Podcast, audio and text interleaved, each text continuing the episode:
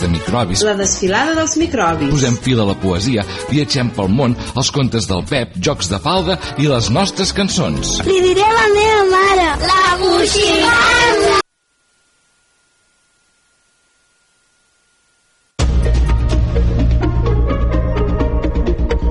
Notícies en xarxa. Bona tarda, són les 4, us parla Mercè Roura. Tota l'oposició en bloc ha qualificat avui la remodelació del govern feta ahir per Pere Aragonès de partidista i electoralista. Escoltem Salvador Illa del PSC, Albert Batet de Junts per Catalunya i Jessica Albiach dels Comuns. Doncs la seqüència temporal és tan reveladora com debatedora. Primer ho nomenen candidat i llavors fas canvis del govern.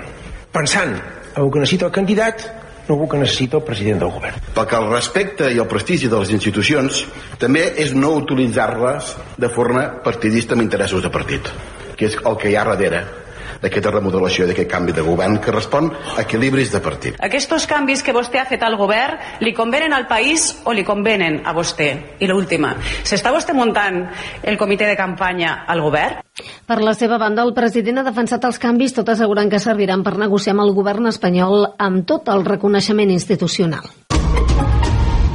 I el conseller d'Acció Climàtica, David Mascort, ha reiterat al Parlament que durant el febrer resoldran totes les sol·licituds dels ajuntaments relacionades amb l'àmbit de la sequera. Durant la sessió de control al govern, Mascort s'ha compromès amb tots els municipis per poder fer front a les reparacions de millorar la xarxa de l'aigua i arreglar fuites i ha remarcat la llau de peticions rebudes per part del món local, fins a 880 de 734 ajuntaments. Amb la llau de sol·licituds, eh, què hem fet nosaltres? Hem posat 70 milions d'euros més, fins a 120, per cobrir totes les sol·licituds que siguin elegibles. Totes. Recordo que les obres es, poden, es podien començar a l'1 de gener del 23. Les subvencions són retroactives. Per tant, els ajuntaments que ja tinguin la partida, que no depenguin de la subvenció, ja poden començar a fer-la, perquè tindran la subvenció. Els que no tenen la partida, nosaltres resoldrem aquest febrer des de Junts per Catalunya han demanat a Pere Aragonès que convoqui una nova cimera per parlar de la sequera. I 7 de cada 10 dones tenen por a patir una agressió sexual quan van caminant soles pel carrer de nit. Es tracta d'una de les principals conclusions d'una enquesta del Centre d'Estudis d'Opinió. L'estudi també recull que un 21% dels catalans ha estat víctima de frau amb les seves compres per internet el darrer any i que dos de cada tres estan d'acord en que Barcelona acolli la Fórmula 1. Es tracta de les principals conclusions a la tercera onada d'aquesta enquesta Omnibus 2023. I la cadena alemanya de supermercats Lidl destinarà 140 milions d'euros a construir una plataforma logística a Martorell, al Baix Llobregat, un centre que serà el més gran que tindrà a tot Espanya i que té previst inaugurar l'any vinent. El nou centre tindrà una superfície de 66.000 metres quadrats i 140 molls de càrrega. És tot de moment, tornem amb més notícies. Notícies en xarxa.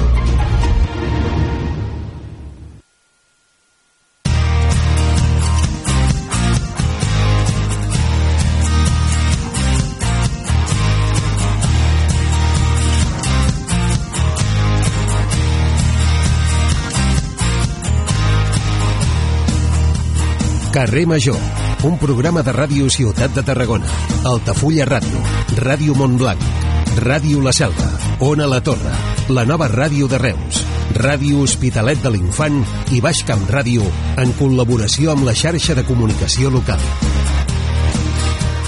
Hola, bona tarda, benvinguts un dia més a Carrer Major. Avui l'obrim amb dades que no m'han fet cap gràcia, però cap ni una. D'una banda, 7 de cada 10 dones tenen por de patir una agressió sexual quan van caminant soles pel carrer de nit.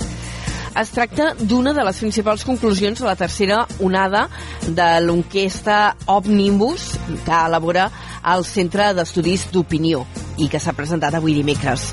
Aquest baròmetre reflecteix que la majoria de dones, més de la meitat, un 52%, afirmen tenir molta por d'un atac de caire sexual. Un percentatge que puja fins a 7 de cada 10 dones en la franja més jove, en la que va de 18 a 25 anys. Alguna cosa no estem fent bé, si la percepció d'inseguretat és aquesta. I d'altra banda, l'altra dada que tampoc m'ha fet gràcia és que gairebé un 80% dels vehicles fabricats a Espanya l'any passat encara són de gasolina o de dièsel. Només un 20% dels vehicles nous, vehicles nous, eh? fabricats, són de baixes emissions. Un percentatge encara molt baix, tot i que ha crescut 6,4 punts si ho comparem amb l'any anterior. I després recullo també una d'aquelles declaracions que vistes des d'aquí de Catalunya molta gràcia no fan. Són paraules avui del ministre de Transports, d'Òscar Puente, que ha justificat que l'Estat investeixi més a la xarxa de Rodalies de Madrid perquè ha dit, literalment, que està menys dotada que la de Catalunya. Ho ha dit avui davant d'una compareixença al Congrés on ha explicat que el pla de Rodalies de Catalunya té previst una inversió de 6.400 milions, que dius, oh que bé, molts diners, però és que a Madrid encara són més diners, són 7.100 milions d'euros que té previst invertir l'Estat. I el ministre, a més, ha admès que es destinaran el nombre de nous trens a Madrid perquè són els més necessitats de renovació. La pròxima vegada que esperi un tren durant una hora perquè hi ha hagut alguna avaria, senyor ministre, pensaré en vostè. I això passa relativament sovint.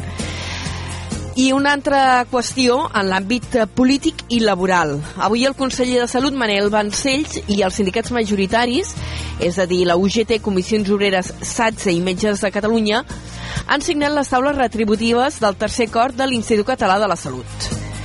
Un acord que ha sigut amb els eh, sindicats majoritaris, però que recordem que no tothom el veu amb bons ulls. No ho veuen amb bons ulls els tècnics sanitaris i també el Sindicat Infermeres de Catalunya que continuen en vaga. De fet, avui els tècnics sanitaris s'han manifestat davant del Parlament a l'espera de rebre una proposta de salut amb millores laborals també per a ells acusen el departament, a més, de boicotejar la vaga eh, augmentant el personal de serveis mínims. Són qüestions que configuren l'actualitat d'avui dimecres, som dia 24 de gener. Us acompanyem un dia més des de 8 emissores al Camp de Tarragona amb el suport de la xarxa audiovisual local. Això és Carrer Major. I l'equip el formem Liri Rodríguez, l'Aleix Pérez, en David Fernández, la Gemma Bufies, la Cristina Artacho, l'Adrià Requesens, en Jonai González, l'Antoni Mellado, Antoni Mateos, jo mateixa, l'Anna Plaça, que us acompanyo la primera hora del programa des d'Ona la Torre, i en Iago Moreno, que el tenim als comandaments de tot plegat. Comencem.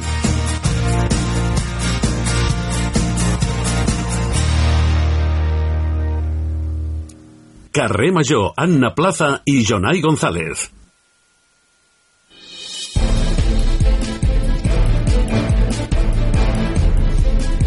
Són les 4 i 7 minuts i aquesta sintonia ens porta cada dia a saludar en Jonai González. Jonai, bona tarda. Bona tarda, Anna. Volia dir una cosa. Si els trens de Madrid estan pitjor que els d'aquí, no vull pensar com estan, eh? No pots... Aquest t'ha fet gràcia. Jo quan, quan ho he llegit he pensat doncs o a Madrid està molt malament o aquest senyor ens pren el pèl, eh? Llavors, no sé, no sé. Jo he pensat, o no ha estat aquí, no o no ha estat aquí, o els trens d'allà són encara pitjors, que és difícil. Doncs sí, sí. Veus? A tu també t'ha fet gràcia. Jo és que quan ho he llegit pensava en mans al cap i dic, no, no sé si creure-m'ho. En fi, la jornada ens deixa moltes notícies, ara la repassem així amb un flash en forma de, de titulars, eh, Jonai, i ens traslladem primer a Madrid, precisament, justament, perquè avui ha començat Fitur i entre les coses que s'hi han anunciat és que Tarragona i la Costa Daurada eh, faran una aliança estratègica amb l'empresa MSC Cruceros per oferir noves experiències culturals i gastronòmiques pels creueristes que visiten la ciutat. També relacionat amb els creueristes s'ha informat dels nou avenços de les obres de construcció de la nova terminal marítima de creuers impulsada per Global Ports Tarragona. Aquesta que ha començat avui és la 44a edició de Fitur i la Costa Daurada, com és habitual, s'hi promociona a través del Patronat de Turisme de la Diputació i amb una aliança amb una trentena de municipis i associacions empresarials. En la jornada inaugural, la presidenta de la Diputació, Noemí Llaurador, ha parlat de bones perspectives de cara a la nova temporada. Uh, també en recollirem la protesta del sindicat STR que ha repartit avui dimecres al matí xurros amb xocolata als treballadors del complex industrial de Rapsol a Tarragona. Ho han fet per denunciar els greuges que pateix la plantilla dels centres d'arreu de l'estat espanyol respecte a la seu central de Madrid.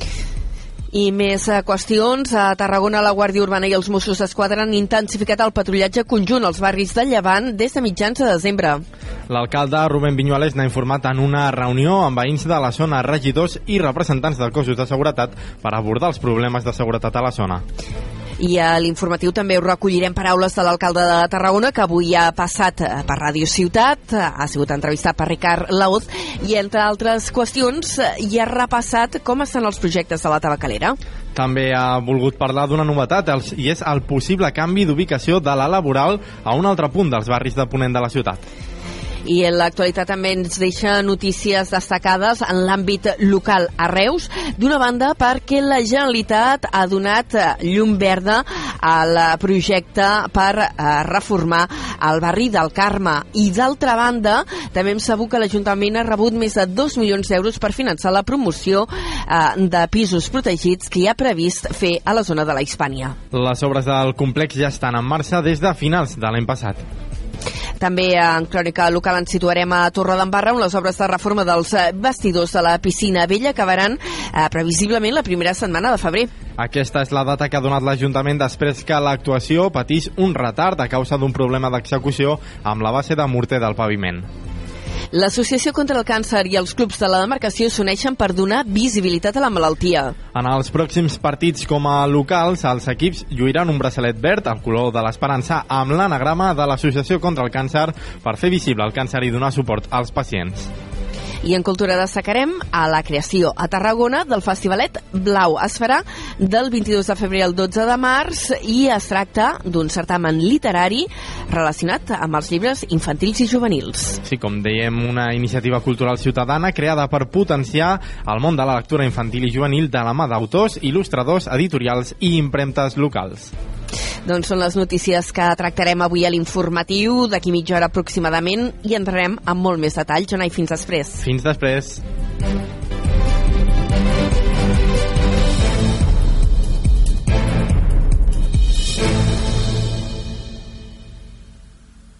Carrer Major. Toni Mateos.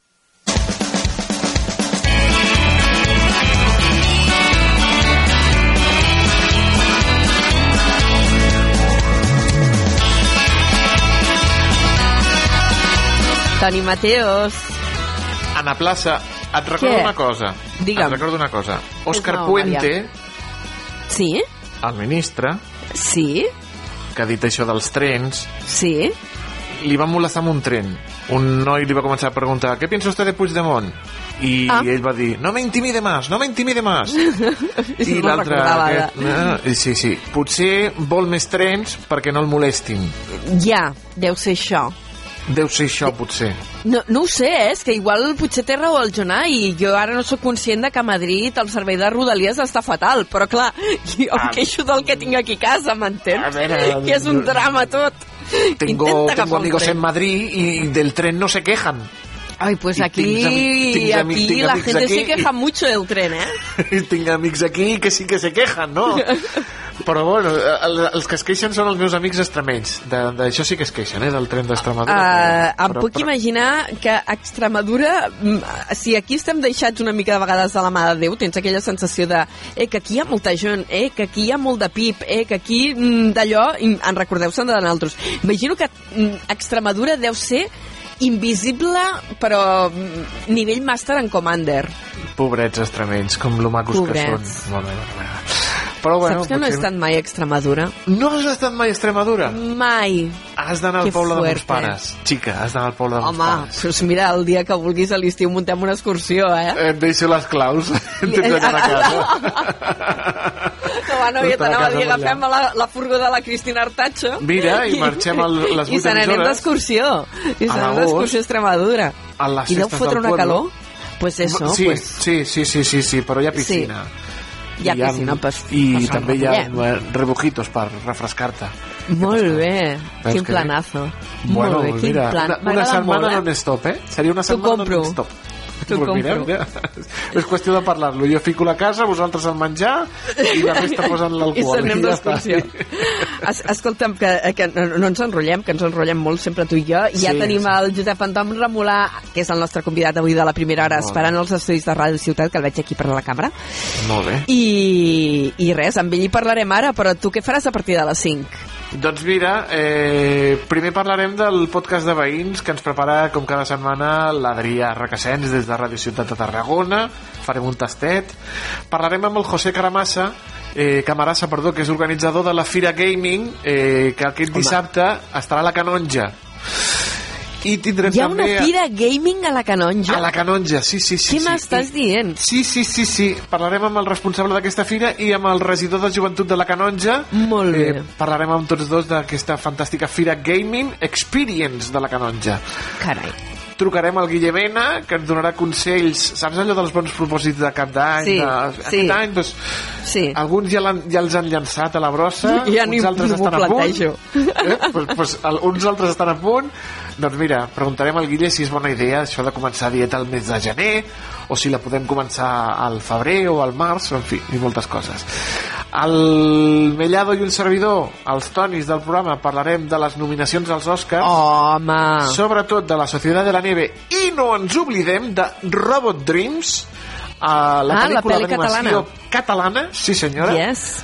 I banda sonora del Camp de Tarragona i avui furgoneta amb un enviat especial a Fitur. Home, i Alerta tant, amb és veritat. És veritat. Parlarem amb l'alcalde de Salou, amb el senyor Pere Granados. No m'ho per- puc creure. Sí, sí, sí. A Mira, Fitur, a Fitur, ara, senyor ara, ara és aquell moment en què rajaré perquè porto dos mesos intentant gestionar una entrevista amb aquest senyor i no hi ha manera. Ha hagut Pues hauries d'haver anat a Fitur. Hauria d'haver anat a Fitur, mare de Déu. Bueno, en fi, és igual, ja em sentiran. Dit això, avui, atenció, després de dos mesos d'intentar-ho, Pere Granados serà carrer major. Pere Granados, Mateos, però Fi- des de Fitur, eh? Des de Fitur, eh? No fos no als cas. estudis de Radio Ciutat ni, a, No. ni als teus estudis, no, no, no, no. Des de Fitur. Des de Fitur. Doncs, uh, Toni Mateus, tot això a partir de les 5 de la tarda. Moltes Sí, senyora. gràcies. Fins, Vinga, després. Adéu, adéu.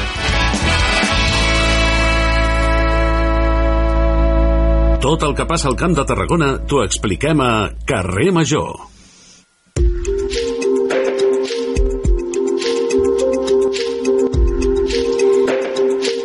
Vinga, que anem tard, passa ja un minut d'un quart de cinc de la tarda i deia, ja el veig assegut als estudis de Ràdio Ciutat de Tarragona el nostre primer convidat d'avui a Carrer Major. És en Josep Anton Remolà, ell és arqueòleg i el conservador del Museu Nacional Arqueològic de Tarragona. Senyor Remolà, bona tarda, benvingut. Bona tarda. Avui l'hem convidat eh, perquè el NAT eh, acaba d'anunciar, ho va fer fa poquets dies, que impulsava un projecte de recerca pròpia sobre el conjunt monumental de Sencelles. Mm -hmm. I tenim ganes que ens n'expliqui detalls. Per començar, pel fet de que el Museu Nacional Arqueològic coordini o lidera un projecte de recerca, perquè no és el primer que penses quan penses en un museu, que penses normalment en, en exhibició, no? Eh, però en aquest cas també estem parlant de recerca. Per exhibir has de conèixer, vull dir, el museu té diverses facetes, una de les quals potser la més coneguda és la de presentació al públic i de difusió, però també té la responsabilitat sobre determinats monuments i aquesta responsabilitat ni acaba ni comença, sinó que és un procés eh, llarg que inclou des de la recerca fins a la difusió final dels resultats. Vull dir, primer hem de saber i després ja ho comunicarem. Mm? Mm -hmm. Uh, concretament aquesta recerca se centra en el conjunt monumental de De Sencelles, de Constantí, que és un dels elements que estan reconeguts dintre del conjunt uh, de Tàrraco Patrimoni Mundial. I jo quan era petita, i te't portaven amb l'escola a fer la visita a Sencelles, et parlaven del mausoleu de Sencelles. Eh, Sempre n'havia sentit a parlar de mausoleu, però clar, mm, diguéssim que molt clar l'ús d'aquest edifici tardoromà la No comunitat està. científica no la teniu. Fixa't que no has dit la vila romana ni has dit el mausoleu de Sencelles, sinó que molt correctament has utilitzat aquest eufemisme de conjunt monumental. Conjunt monumental en si mateix no és una funcionalitat, no? Ni el problema, el gran problema que té Sencelles és que després de gairebé 150 anys de conèixer els mosaics i de conèixer la importància arquitectònica del conjunt, a hores d'ara continuem sense saber amb una certa certesa què va ser Sencelles. I per poder-lo explicar, el primer que hem de fer és conèixer-lo, no? Aleshores, en aquest sentit, el projecte el que pretén és, que intentar resoldre què era Sencelles a través de l'anàlisi de la decoració del mosaic doncs 150 anys després no ha conduït a, a res clar doncs hem impulsat un projecte multidisciplinar no? on intentem conjugar totes les dades possibles, tots els indicis no? com si fos un, un procés de forense no?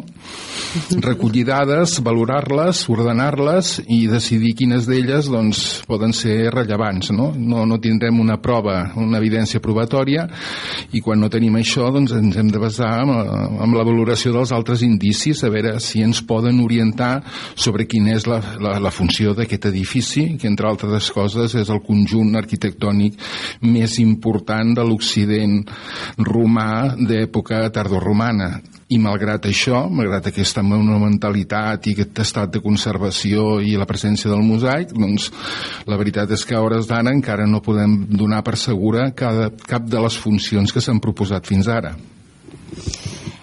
De fet, fa un any i mig, el 2022, si no recordo malament, era el juny, mm -hmm. perquè he estat buscant, eh, ja es va fer un congrés internacional sobre aquest monument tardoromà de Sencelles. Vull dir que l'interès i el debat en la comunitat científica és molt viu.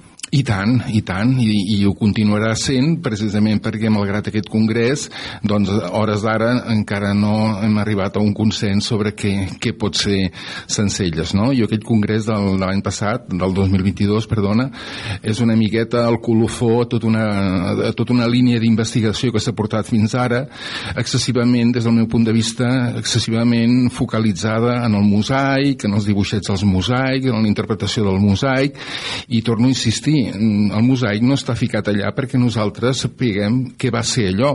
El mosaic és una decoració d'una sala principal i la, i la funció de tot el conjunt no vindrà determinada pel mosaic, sinó que vindrà determinada per l'estructura, per la planta, etc etc. no?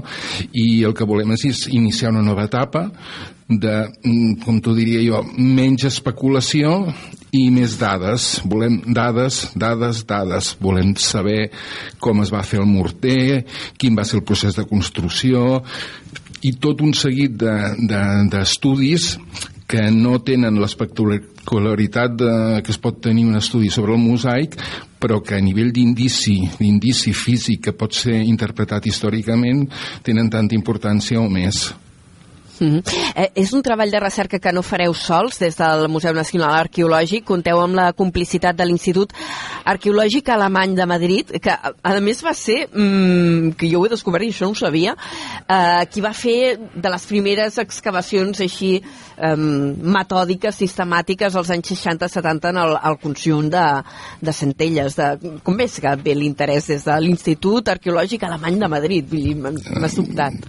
Perquè, perquè per sort va caure en mans seves, ells van ser els primers, no els primers, però sí els que realment van ser conscients de la dimensió del que significava Sencelles i ja l'any 59 van començar els treballs, uns treballs que s'ha de dir van ser excepcionals, és un projecte modèlic i més en el moment en què es va, en què es va executar, és un, és un projecte que incloia des de la recerca arqueològica fins a la restauració dels elements arquitectònics que hi havia, hi havia presents, que va aconseguir dotar eh, el Camp de Tarragona d'una àrea monumental que fins aleshores havia, era un mas i no formava part del patrimoni, del patrimoni visitable, és a dir, la intervenció del DAI a tots nivells, des de la restauració fins a l'excavació, va ser modèlic i estem molt, molt contents, la veritat, és de que el, el DAI actual, la direcció actual del DAI Madrid,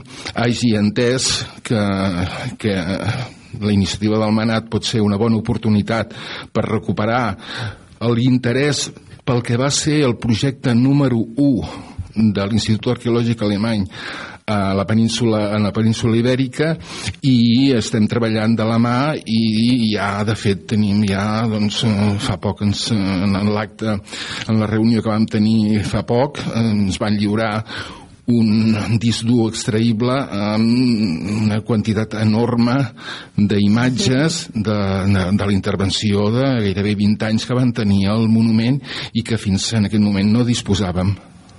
O sigui que ara també ampliar una mica arxiu del Museu Nacional Arqueològic sí. amb tot aquest, amb aquest treball de recerca que ja s'havia fet fa 4 o 5 dècades eh, al conjunt de, de Sencelles. O sigui, és com si sortís a la llum material inèdit que ja existia. Sí, és que és un doble front. Hi ha un front de tot lo nou que pretenem fer, les noves excavacions que pretenem fer, però després hi ha un cos importantíssim que és revisar eh, tota la informació generada durant aquestes dues dècades de presència de l'Institut Arqueològic Alemany a Sencelles.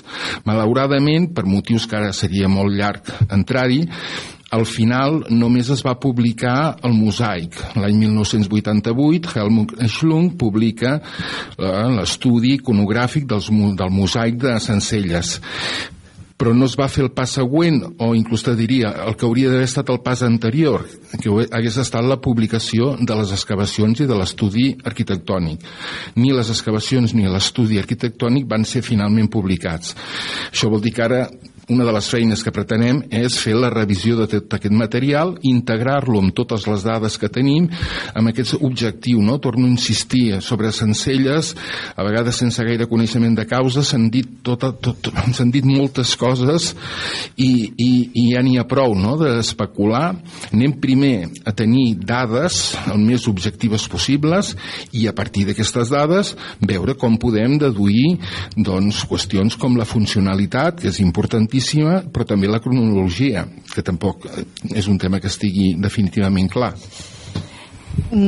cronologia que no està clara, però sí que situeu aquell espai en l'època tardorromana. Sí. Acotem una mica amb el temps d'això. Sí, bueno, el, el període tardorromà, en el cas de Tàrraco, s'inicia a finals del segle III, quan l'imperi comença a tenir ja a manifestar-se greus problemes, i és aquesta etapa eh, que ara diem final, perquè sabem el resultat final que va acabar, no? però és una etapa molt interessant perquè significa tota una transformació profunda encara dins del propi imperi romà, que és la que portarà després el naixement de, de, pràcticament de l'Europa de l'Europa actual. Per tant, és un període capdalt de la història, tot i que potser no tingui la monumentalitat del Temple d'August de Tarragona, és un altre període, les coses s'han redimensionat, però des del punt de vista històric i en relació a Tarragona té una importància fonamental. Mm. I què és el que us fa dir, eh, des de l'àmbit acadèmic i de recerca, que aquest eh, espai de Sencelles té tanta importància? Mira. Més enllà del mosaic, que ara hi entrarem a parlar sí, del no, mosaic. No, ja. no, no, sí, sí, no, no. Eh, a veure, el mosaic no està penjat de la sala d'un museu. El mosaic forma part de la decoració de la cúpula de l'estança principal d'un conjunt arquitectònic de més de 100 metres de façana est-oest. Eh, és, per tant, una part important, però només una petita, una petita part. El que hem d'intentar entendre és tot el conjunt i, i, i no ho podrem fer millor només des, de, des, de, des del mosaic. De, per, de, senzilles han proposat diferents funcions. Una, la que comentaves tu abans, que va ser un mausoleu, un mausoleu imperial. És el que ens explicaven a l'escola de petits, sí. eh? Quan et feien la visita de Constantí, jo, deien, això era un mausoleu. Jo ho he explicat, jo ho he explicat, això, jo, jo... ho he explicat.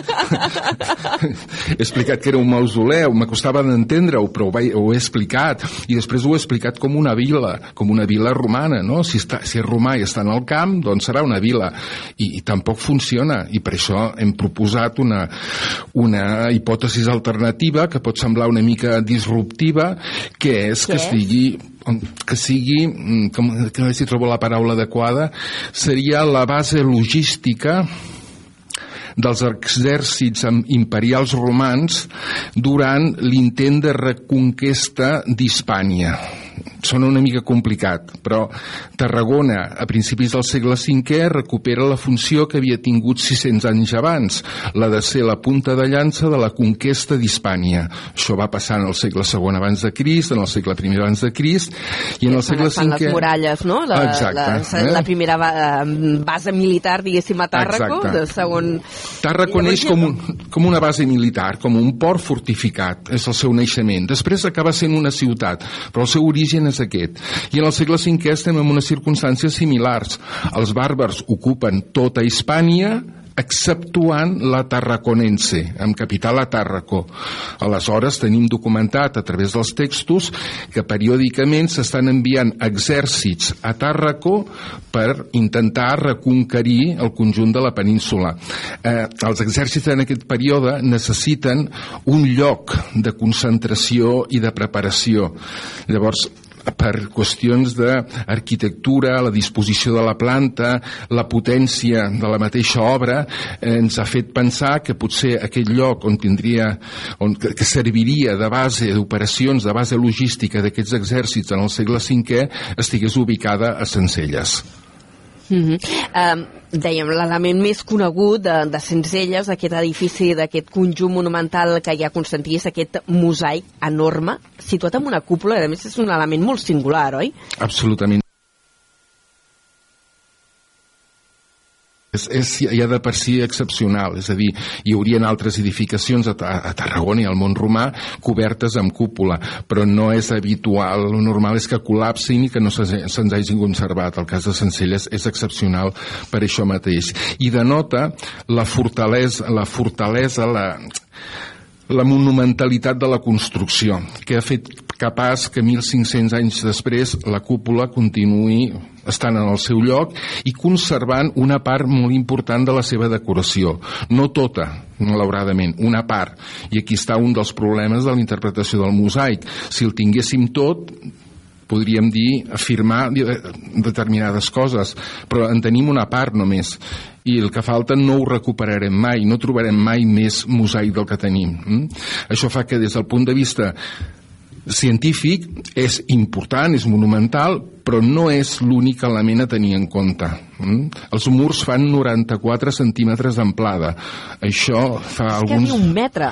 Sí, no? pot semblar una tonteria, però jo fa bastants anys que em dedico a l'arqueologia, tinc amics que són arqueòlegs, bastants, i encara no he trobat a ningú, ni jo mateix, que hagi excavat o que conegui un edifici residencial, un edifici privat, amb murs d'aquest dimensionat. Va molt més enllà de lo que és habitual al Camp de Tarragona. El Camp de Tarragona es construeix amb un basament de pedra i al damunt, per això tenim argila, damunt tapials d'argila. Això és la tècnica habitual a la vila romana dels Munts, a la vila romana del Moro, només per citar-ne algunes de, pro, de, de properes. Però a Sencelles no. A Sencelles Això és una, una obra... de les coses aquest gruix de paret és el que us fa pensar que pogués ser un element defensiu? No, no, no, no. A veure, quan, quan, quan hi ha un assassinat i no tens una filmació de vídeo o una confessió, has de jugar no jugar, has d'intentar determinar les dades, totes, fer un anàlisi del conjunt, l'amplada dels murs, la disposició de les portes, el caràcter tancat, la decoració del mosaic, tots són dades que al final les hem d'ordenar i hem de valorar quines són irrellevants i descartar-les i quines són realment significatives, no? I en aquest cas anem des de l'anàlisi dels morters, que pot donar dades molt interessants, si finalment poguessin determinar que aquell morter està fet amb calç procedent de la descomposició d'elements arquitectònics de la part alta de Tarragona, ens trobaríem una prova de que allò és un edifici públic, perquè no tothom tenia accés a aquest material, només tenia accés al material, a aquest material l'Estat. Per tant, seria un indici que obtingut a partir de l'analítica de morters, però un indici a favor de la titularitat pública d'aquest edifici, el qual en si mateix ja és, ja és una dada. I anem des de l'anàlisi del morter fins a la situació històrica que a vegades els arqueòlegs vivim una mica d'esquenes a la història escrita.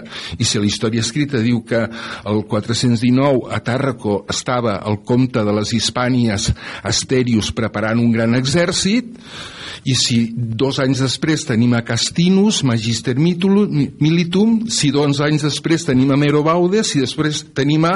vol dir que tenim una sèrie d'exèrcits que passen per Tàrraco i que estan a Tàrraco preparant-se per campanyes a nivell hispànic. No es reunien al mig d'un descampat ni en una vila abandonada. Requerien espais preparats per exercir aquesta funció. Eh? I en el cas de la cúpula de, de Sencelles, si aquesta interpretació, que és la que proposem nosaltres, fos certa, la, el mosaic seria la decoració del santuari, del santuari militar, eh? una peça indispensable en aquests conjunts d'arquitectura militar, que és on es guardaven les ensenyes, els estandards, la imatge de l'emperador, on es guardava l'essència de l'exèrcit i, si recordes, a la sala principal, a més del mosaic, a sota hi ha una cripta, Mm? Aquestes sí, criptes... Que per això es deia que era un mausoleu, no? Sí, Entenc que era una de les sí. primeres interpretacions. El problema és que aquest mausoleu, aquesta cripta, té una porta, té una entrada de 41 centímetres d'amplada per 71 centímetres d'alçada. És a dir, no és que ja no hi càpiga, no s'hi pugui introduir un sarcòfag, és que pràcticament una persona té dificult, tindria dificultats en accedir en aquest espai. No està decorada, per tant, el fet de que pogués ser funerària mm, queda pràcticament descartat i per tant hauríem de buscar altres criptes associades a sales principals que no fossin funeràries. I això ens porta al món dels santuaris dels santuaris militars que a dalt tenien les ensenyes i l'esperit de l'exèrcit i a sota en una cripta, els anglesos en diuen una strong room, una cambra cuirassada tenien una cripta on es guardava doncs diners els exèrcits eren mercenaris en el segle V, el 99% eren, eren bàrbars contractats que havien de cobrar periòdicament. Per tant, eh, sí que no, és, una, és una interpretació que pot sobtar una miqueta perquè introdueix l'element militar, però no podem oblidar que Tàrraco en el segle V, si és coneguda per alguna cosa, és per pel seu rol, pel seu paper com a punt de, de, de partida d'aquests intents frustrats, al final fracassen, però aquests intents que hi ha durant el segle V de recuperar Hispània. Uh -huh.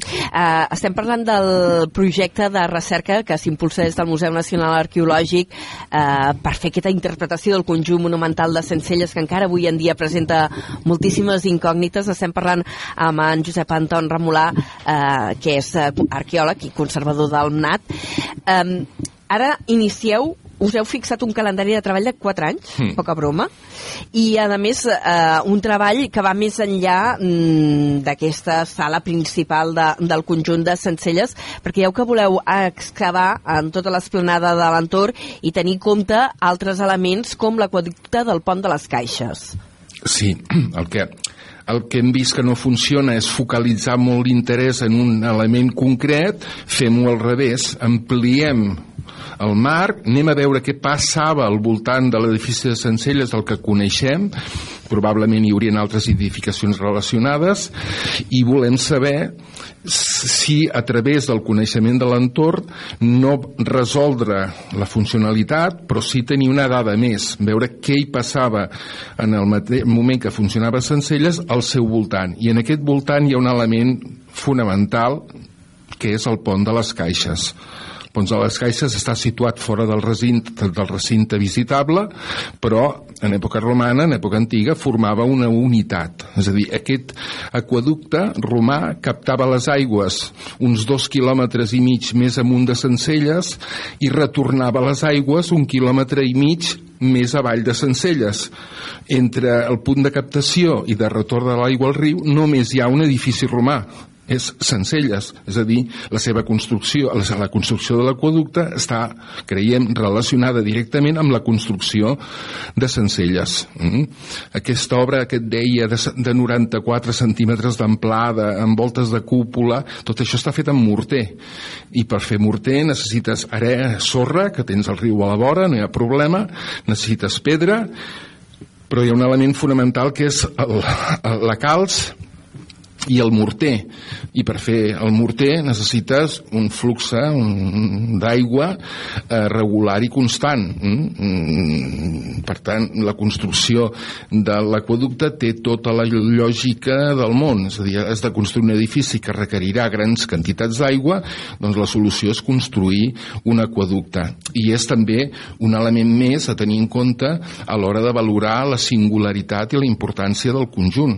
És un edifici que va permetre's el luxe, entre cometes, o que, o que se li va permetre construir-se un aquaducte per portar les aigües fins a, a peu d'obra, per dir-ho d'alguna manera. Uh -huh. Hi havia unes termes, també, que això també s'ha d'excavar? Hi ha dos conjunts de banys. Un que està íntegrament excavat per part de l'Institut Arqueològic Alemany i n'hi ha un altre que es va excavar parcialment i que el que volem fer ara, més per motius museogràfics que científics, científics també, és excavar-ho per, per incorporar-los a la visita. Actualment, quan acabes la visita, surts a fora, veus uns arcs que no acabes d'entendre ben bé què signifiquen.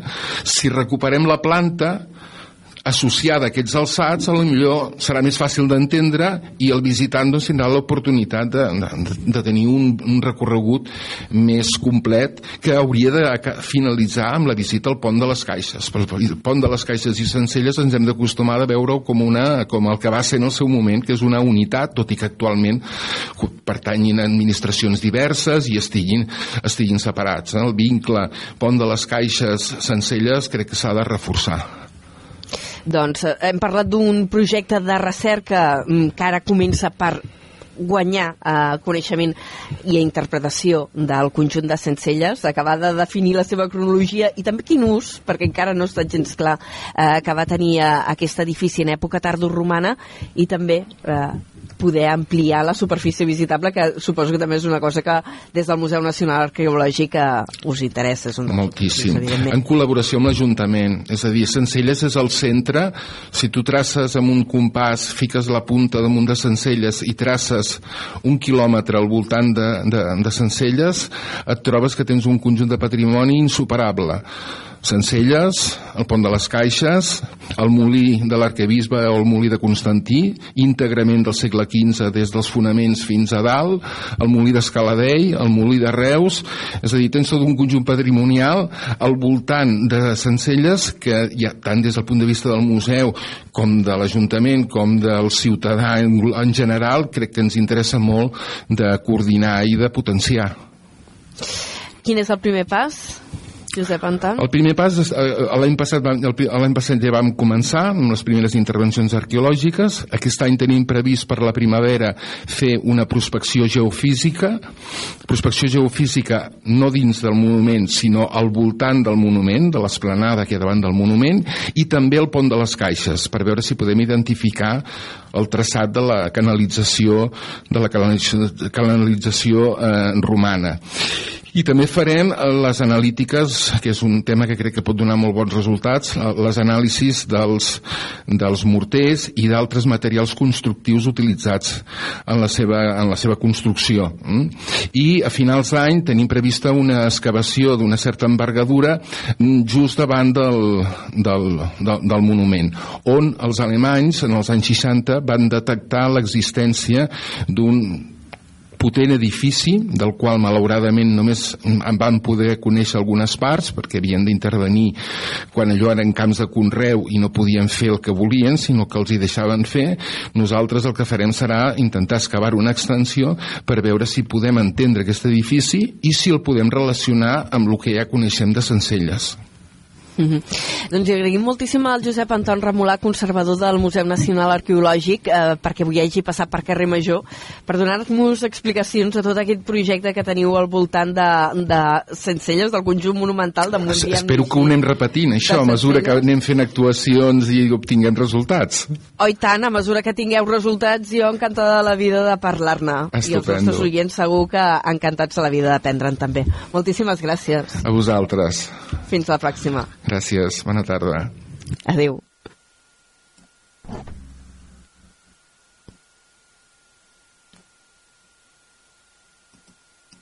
Carrer Major, al Camp de Tarragona, des de ben a prop. Vinga, que esperava la sintonia nova per introduir el següent espai d'aquesta primera hora de carrer Major, que és la que dediquem analitzar l'actualitat amb una mica més detall. Abans hem fet titulars, ara entrem en el detall de les notícies. Són les 4 i 43 minuts. Saludem de nou en Jonai González. Jonai, bona tarda de nou. Es veu que a Ràdio Ciutat de Tarragona és veritat, hem de fer canvi de seients ara que ha marxat el Josep Anton Remolà. Comencem situant-nos a Madrid, perquè avui ha començat Fitur, la Fira de Turisme eh, de referència a l'estat espanyol, en què hi participa un any més la Costa Daurada, i en les novetats que s'hi han anunciat avui mateix és que Tarragona i la Costa a, a Daurada han signat una aliança estratègica amb l'empresa MSC Cruceros per oferir noves experiències culturals i gastronòmiques pels creueristes que visiten la ciutat.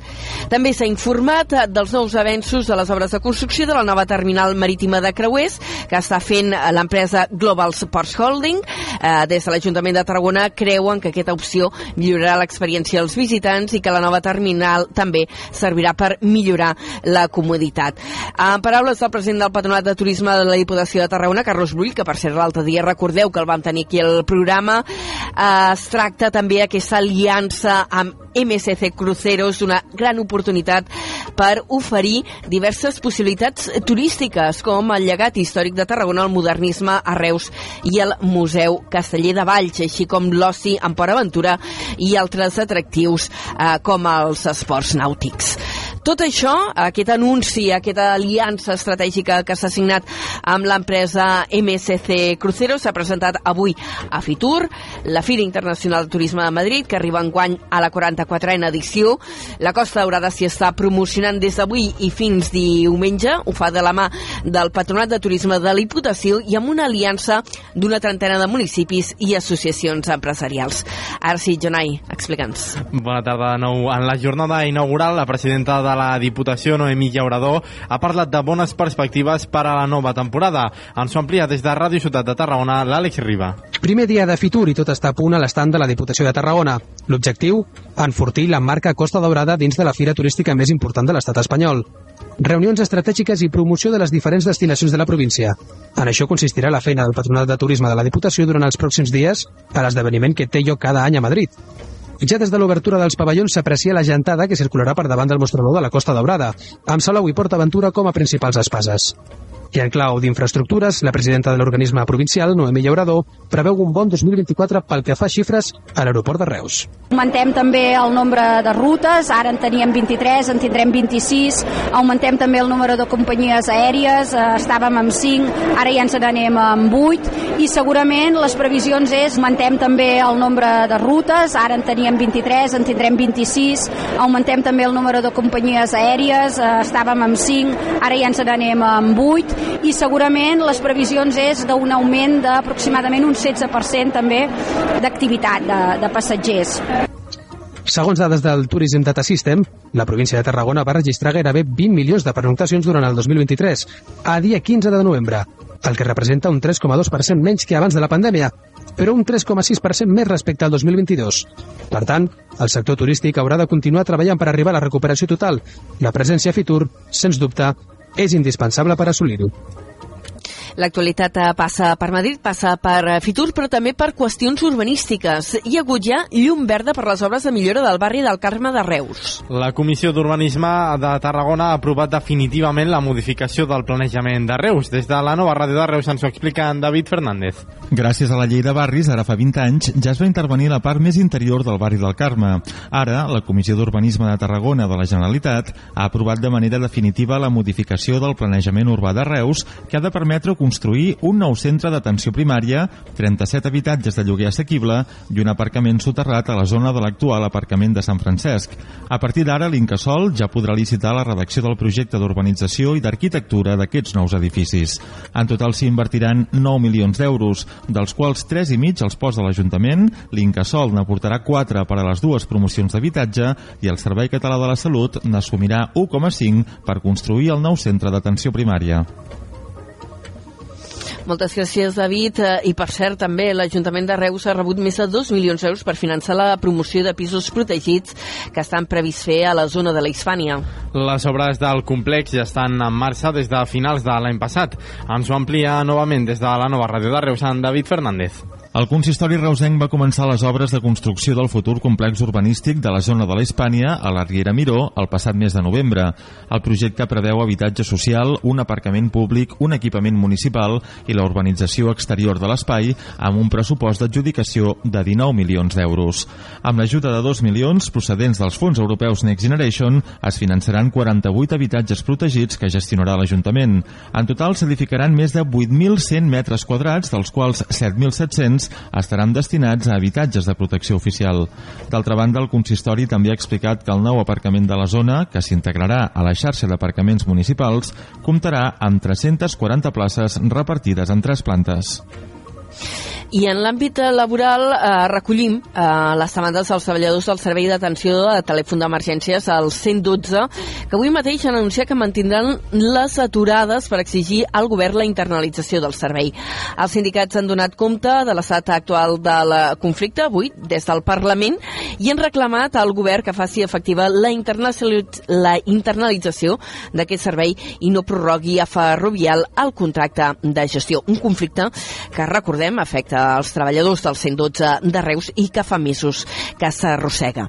I en paral·lel, avui també el sindicat STR ha repartit aquest matí xurros amb xocolata als treballadors del complex industrial de Rapsol a Tarragona per denunciar els greuges que diuen que plateix la plantilla dels centres de Reus a l'estat espanyol respecte al seu centre de Madrid. L'organització es queixa de les diferències en matèria de flexibilitat horària, teletreball i equipaments. L'empresa ja va convidar xurros als treballadors de la matriu abans de Nadal i ara, utilitzant simbòlicament els xurros, el sindicat reclama Repsol i als seus directius mesures per a garantir els mateixos drets i el mateix tracte. El sindicat de treballadors considera que la falta de consideració vers els treballadors no es pot permetre a una companyia que proclama la igualtat i la justícia social. Rosa Peral ha declarat avui divendres al jutjat d'instrucció número 5 de Tarragona com a investigada per un suposat delicte d'alçament de béns. La condemnada pel crim de la Guàrdia Urbana de Barcelona hauria donat la propietat que compartia amb el seu exmarit a Vilanova i la Geltrú el seu pare, Francisco Peral, que també ha prestat declaració aquest matí. La donació de l'habitatge familiar hauria servit presumptament per evitar pagar la indemnització a la família de Pedro Rodríguez. A la sortida de la vista, l'advocada de Peral, Núria González, i el lletrat de la família de la víctima, Juan Carlos Tallas, no han volgut fer declaracions a petició de la instructora del cas que els ha demanat que les mantinguin en secret. Les declaracions dels dos investigats han durat al voltant d'uns 30 minuts cada una i la vista ha generat molta expectació mediàtica a les portes dels jutjats tarragonins. La Guàrdia Urbana de Tarragona i els Mossos d'Esquadra han intensificat el patrullatge conjunt als barris de Llevant des de mitjans de desembre. L'alcalde Robert Viñuales n'ha informat en una reunió amb veïns de la zona, regidors i representants dels cossos de seguretat per abordar els problemes de seguretat. Fa un mes i mig es van acordar mesures per intensificar la presència policial. També es va acordar l'actuació setmanal de la unitat de drons i el desplaçament d'una unitat mòbil de denúncies. A la nova reunió amb els veïns, Vinyuales ha reconegut que darrerament hi ha hagut més robatoris a Llevant, però ha matisat que no es tracta de grups violents. També ha detallat el treball conjunt que estan realitzant la Urbana i els Mossos. De fet, hi ha una intensificació de les patrulles, unitat mòbil de denúncies, també hem fet patrullatge amb drons, també pensi l'extensió no, de la zona de Llevant i també la diferència no, de zones residencials, per això la unitat de drons està actuant i continuarà actuant. A més a més, patrullatge conjunt de Mossos i Guàrdia Urbana, una coordinació total i intensa en aquest sentit. Tot just aquesta setmana, Esquerra Republicana acusava l'alcalde Vinyuales de deixadesa en matèria de seguretat i manifestaven preocupació perquè en algunes zones com boscos s'han arribat a crear patrulles ciutadanes per prevenir robatoris. Precisament l'alcalde de Tarragona ha passat avui pels micròfons de Ràdio Ciutat, el programa Bon Dia de Ricard Laoz. Allí ha explicat que l'espai tabacalera s'està començant ja a omplir de projectes, tots ells relacionats amb el món de la cultura, la formació i l'educació. Després que es confirmés que la nova Biblioteca Pública de l'Estat i altres projectes, com les noves instal·lacions de TAC 12 o de Ràdio Televisió Espanyola tinguin ja un espai reservat, Vinyuales ha assegurat que aviat es començarà a omplir que estem treballant per omplir-ho, tant magatzems com la resta de naus, i que no massa temps crec que podríem donar alguna alguna afirmació categòrica de com començarem a omplir-ho. Uh, la seva gran virtut és el seu defecte, que són doncs, molts metres quadrats. Amb tot, Vinyuales advertia que omplir els 60.000 metres quadrats de la tabacalera serà pràcticament impossible. D'altra banda, l'alcalde de la ciutat ha fet referència al pla d'ordenació urbanístic de la ciutat que podria estar per l'any 2025. Vinyuales ha explicat que aquest serà l'últim pom de creixement. Però de pom com de creixement jo crec que és, és l'últim, no? I és molt important perquè no és nostre. Si avui aprovem el pom, el primer totxo es ficaria com a mínim d'aquí sis anys. O sigui, no és una cosa de l'alcalde Vinyuales, Vinyuales és, és, és un, un pom de ciutat, de que vés a saber no, qui estarà d'alcalde o alcaldessa quan, quan s'executi no, del tot. Per això ha de ser molt de consens. Entre altres qüestions d'infraestructures, l'alcalde Rubén Viñuales també ha apuntat la possibilitat que la laboral se'n vagi cap a una nova zona mentre l'empresa CLH aterraria l'espai que actualment ocupa el complex educatiu. Seguim en crònica local, però ara situats a Reus, on l'empresa d'aigües augmenta la bonificació de la seva tarifa social. L'empresa municipal condiciona aquesta ajuda a un ús responsable de l'aigua. Des de la nova ràdio de Reus ens ho explica en David Fernández. A aquelles famílies que es beneficien de la tarifa social d'aigües de Reus se'ls rebaixarà la seva factura en un 50% tant de la quota fixa com de la quota variable. L'empresa només aplicava fins ara la reducció en la part de la quota variable del segon tram de la factura, mentre que ara hi haurà una rebaixa a la meitat tant al primer com en el segon tram i tant a la quota fixa com a la variable del servei d'aigua i del clavegaram. Aigües de Reus, però, condiciona aquesta bonificació a un ús responsable de l'aigua, ja que els beneficiaris no podran superar un consum mensual de 12 metres cúbics en el cas d'una unitat familiar de 4 persones. Les obres de reforma dels vestidors de la piscina vella de Torre d'Embarra acabaran previsiblement la primera setmana de febrer. Aquesta és la data que ha donat l'Ajuntament després que l'actuació patís un retard a causa d'un problema d'execució amb la base de morter del paviment. Des d'on a la torre ens ho explica en Josep Sánchez. Aquesta base presentava unes eh, fissures a causa de la retracció i assecatge que en un primer moment es van sellejar i reparar superficialment. En la preparació i polit per aplicar la pintura del paviment es va comprovar que no hi havia prou garanties d'assolir un bon acabat i estètica final i s'ha refet tota la base. Des de l'Ajuntament remarquen que aquest fet no suposarà cap sobrecost. Berta Castells, regidora d'Esports a l'Ajuntament de Torredembarra, destaca que es tracta d'una obra molt necessària és una obra que ja fa molt temps que, que s'hi va darrere per fer aquesta remodelació. Jo crec que tots, tots hi hem passat per aquells vestuaris i no et sabria dir els anys que porten, per tant, molts i tots eh, els usuaris era una, bueno, una, una petició que es feia per, per adequar i per sanejar. Les obres de reforma dels vestidors de la piscina vella van començar a mitjans del mes d'octubre i havien de durar dos mesos. L'actuació l'està fent l'empresa Erdieco per un import d'uns 200.000 euros. I, per cert, eh, avui us hem d'explicar també que l'Associació contra el Càncer i els grups de demarcació s'han unit per donar visibilitat a la malaltia. En els pròxims partits com a locals, els equips lluiran un braçalet verd al color de l'esperança amb l'anagrama de l'Associació contra el Càncer per fer visible el càncer i donar suport als pacients. I anirem a Cultura per explicar que a Tarragona Ciutat s'ha presentat un nou festival literari. El Festivalet Blau es farà del 22 eh, de febrer al 12 de març i eh, està pensat eh, per donar promoció a la literatura infantil i juvenil. Tarragona serà la protagonista d'aquesta iniciativa cultural ciutadana creada per potenciar el món de la lectura entre els més joves de la mà d'autors, il·lustradors, editorials i també d'impremtes locals. Entre les persones que l'impulsen, una persona molt coneguda en el món de la literatura i el teatre familiar, que és en Joan Riuner. Dit això, tanquem aquesta primera hora de programa, aquesta primera hora de carrer major. De seguida prenen el relleu Toni Mateos i companyia. Fins després, adeu.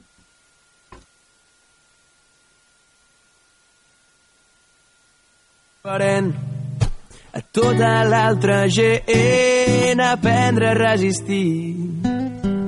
Fins que arribi l'últim dia jo saber dir que no.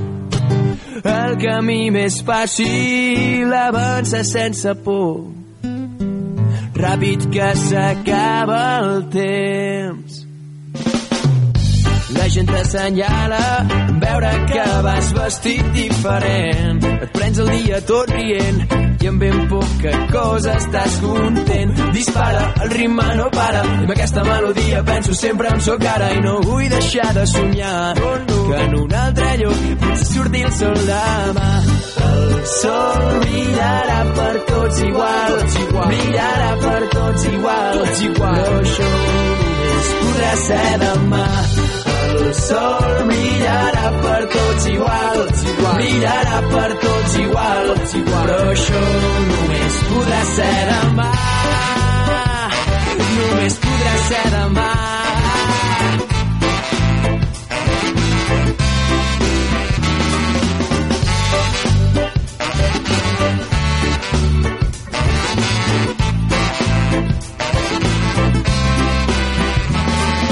Em dóna la gana, em dóna la gana, em poso a ballar. I quan em dóna la gana, em dóna la gana, em poso a cridar. I quan em dóna la gana, em dóna la gana, jo vull cantar. Que el dia es faci molt i molt més llarg. Ser diferent a tota l'altra gent. Aprendre a resistir fins que arribi l'últim dia jo saber dir que no, dir que no el camí més fàcil avançar sense por ràpid que s'acaba i tu te'n rius de mi perquè sóc diferent. I jo m'enric de tu perquè ets com l'altra gent. I no vull deixar de somiar que en un altre lloc potser surti el sol demà.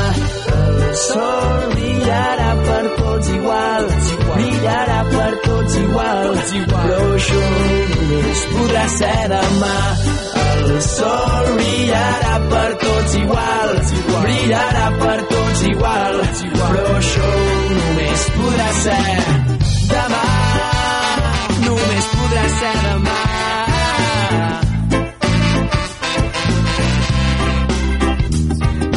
Milers de persones somien en l'ideal i tu, xaval, et penses que és immortal però jo t'aviso, sisu, et pots fer mal que som molts més que junts farem ser diferent a tota l'altra gent aprendre a resistir fins que arribi l'últim dia jo saber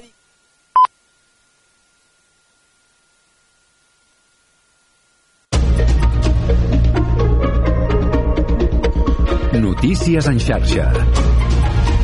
Bona tarda, són les 5. Us parla Mercè Roura. Més d'una vintena d'entitats han presentat un manifest per reclamar que es mantingui el rec de supervivència als jardins i a les zones verdes, tant a les públiques com a les privades, quan Catalunya entri en emergència per sequera.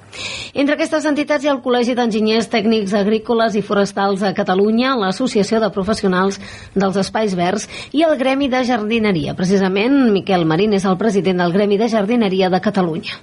si no podem regar les empreses, el sector nostre patirà moltíssim.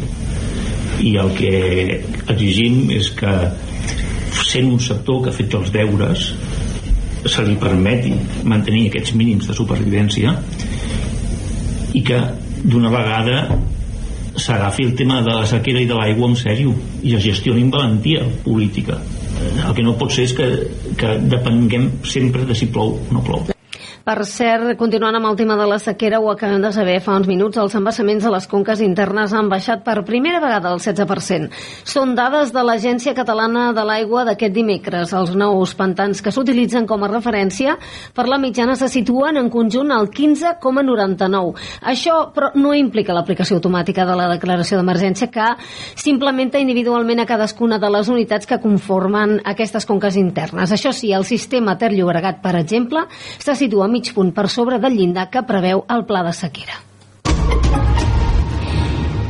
I anem a Viladecans, que és un municipi que presideix la xarxa estatal de ciutats educadores que vol elevar a la Unió Europea la lluita contra l'abandonament escolar. L'alcalde d'aquesta ciutat, Carles Ruiz, en declaracions a la xarxa ha demanat un esforç conjunt de les administracions per erradicar la xarxa, la, la xacra, volent dir precisament avui el Dia Internacional de l'Educació. Les dades són preocupants i pensem que ha de ser una de les prioritats del treball a nivell educatiu des de les institucions, des del conjunt de les institucions, perquè al final l'educació no només depèn dels mestres, dels centres escolars, dels centres educatius, sinó que també el conjunt de la societat, les actituds que tenim, la manera de treballar també, la cohesió dels barris, eh, in, intervé d'alguna manera també amb l'educació. Viladecans va ser un municipi pioner en la digitalització dels centres d'ensenyament públics. Un darrer punt, una anàlisi de sang detecta el càncer de colon amb la mateixa fiabilitat que la prova de sang oculta a la FEMTA. Ho ha demostrat per primer cop un equip d'investigació de l'Hospital del Mar de Barcelona que espera que un dia sigui el primer mètode per diagnosticar la malaltia. És tot de moment, tornem amb més notícies en xarxa. Gràcies. Notícies en xarxa.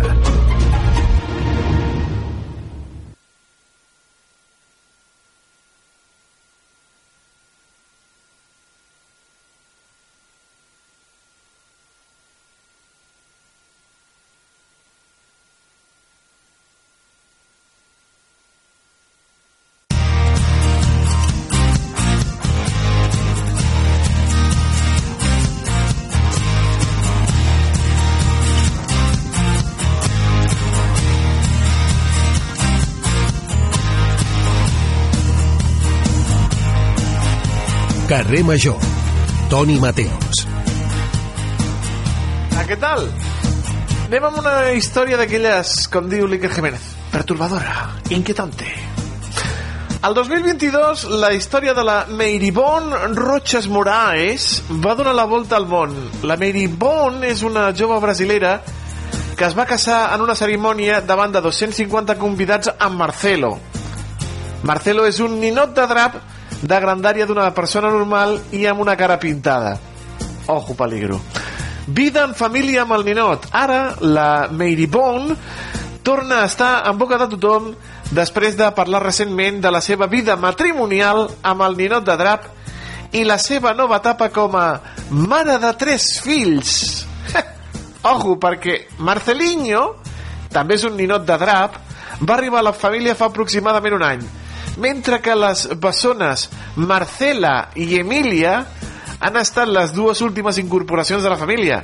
De drap també, les nenes. Sí, tres ninos de draps, amics i amigues. La dona assegura que la seva vida és més complicada després d'haver tingut bessons.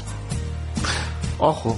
Segons explica, la vida amb tres fills ninots no és gens fàcil i admet que les responsabilitats parentals i les despeses de la llar s'han duplicat. Clar, el que gasta un nen encara que sigui de drap, per cobrir les despeses d'aliments, roba, renda, aigua, electricitat i medicaments s'encarga en Marcelino i això li provoca estrès. El Marcelo, el Marcelo és el ninot de drap, sí, com escolten. Qui paga les despeses és el ninot de drap. Però no contents amb això, la relació de la parella entre la Meiribon i el nino de drap ha patit infidelitats no per part de la dona, sinó per part del nino de drap. Alerta, eh? Ojo, que el que ha estat infidel és el ninot. Malgrat els desafiaments, les dificultats, la dona afirma que la seva família està plena d'amor i de riures. Qui no té feina, el gat pentina o hauria de visitar el psicòleg immediatament. Aleix Pérez, has tingut algun d'aquests problemes amb alguna de les teves relacions no amb nines, sinó amb, amb, amb, amb persones? A veure, Toni Mateos, eh, m'estava pixant Encara de riure, eh? perdona, eh? Perdona, eh? Jo anava pissat de riure. A veure, però aquests problemes en tenim tots, no?, a les nostres relacions i al nostre dia a dia. Ara bé, jo crec que Marcelo en això no té perdó. Perquè... Marcelo traidor, no? Marcelo, tio. O sigui, Marcelo, no sé. tio, enganyar-la. Està A qui l'haurà està enganyat? Clar. És veritat, això no se sap, no, no ha transcendit, no? Amb la- No, no, no sabem res, eh, de, del, de l'engany del Marcelo. Eh, Aquí devia, potser, potser el, Wilson, no? La pilota aquella del, del, del, de de Robinson Crusoe. Sí, sí, del nàufrag. O potser l'he enganyat amb la Rosaura, no saps si, qui és la Rosaura. No, qui és la Rosa? Rosaura és una nina mm, molt gran, eh, molt famosa que es va fer aquí a l'estat espanyol als anys 80, totes les nenes dels 80 volien la Rosaura. Rosaura, la muñeca gigante, era molt gran. No era de tamany real, però, bueno, sí, era tamany nena, però no nino gegant, com el Marcelo. Marcelo, Marcelo, mira que enganya la dona. Marcelo, eh? És gat vell. Bueno, i, i imagina't el part No, d'aquesta dona parint tres ninos de drap. I la pateix després de l'experiència, o sigui, tan Sí, malament no devia passar, sí, perquè si n'ha tingut més, això vol dir que, que Bessons, sí. trauma no li va crear tenir-ne prim, el primer almenys. Amics i amigues, notícies curioses. Nosaltres som Ràdio Ciutat de Tarragona, Altafulla Ràdio, Ràdio La Selva del Camp, Ona la Torre, Ràdio Montblanc, la nova Ràdio de Reus, Ràdio Hospitalet i Baix Camp Ràdio juntament amb la xarxa de comunicació local. Som de carn i ossos, crec que sí, i som reals. Cada tarda els acompanyem amb històries ben curioses del Camp de Tarragona, també amb el nostre company tècnic avui, en eh, Eric Rosique, que és més guapo que el ninot Ken, i el Toni Mateos, que és el perrito piloto, el nino del perrito piloto. Benvinguts a Carrer Major.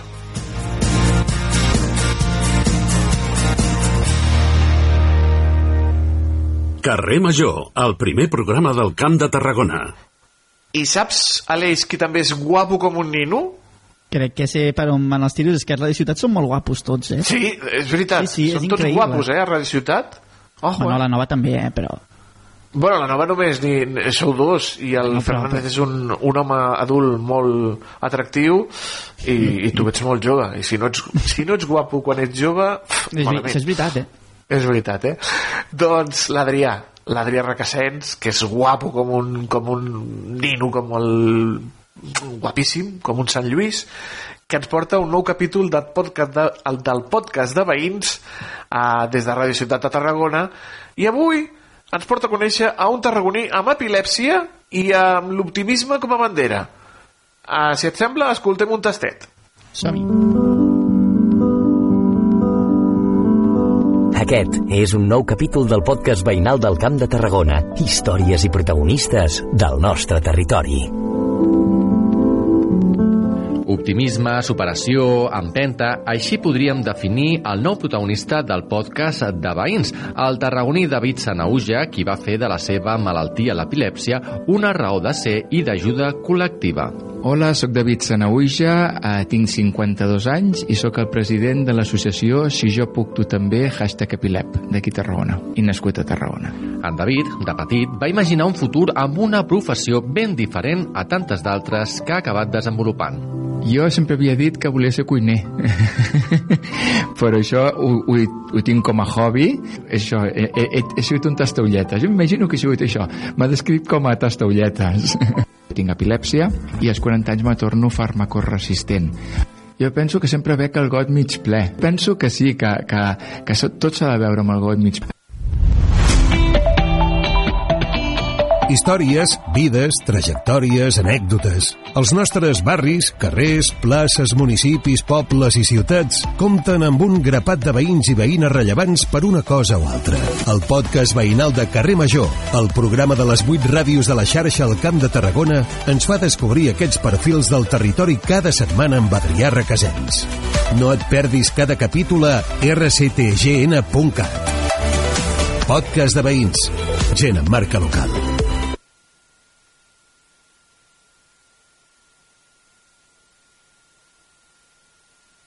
Carrer Major, el primer programa del Camp de Tarragona.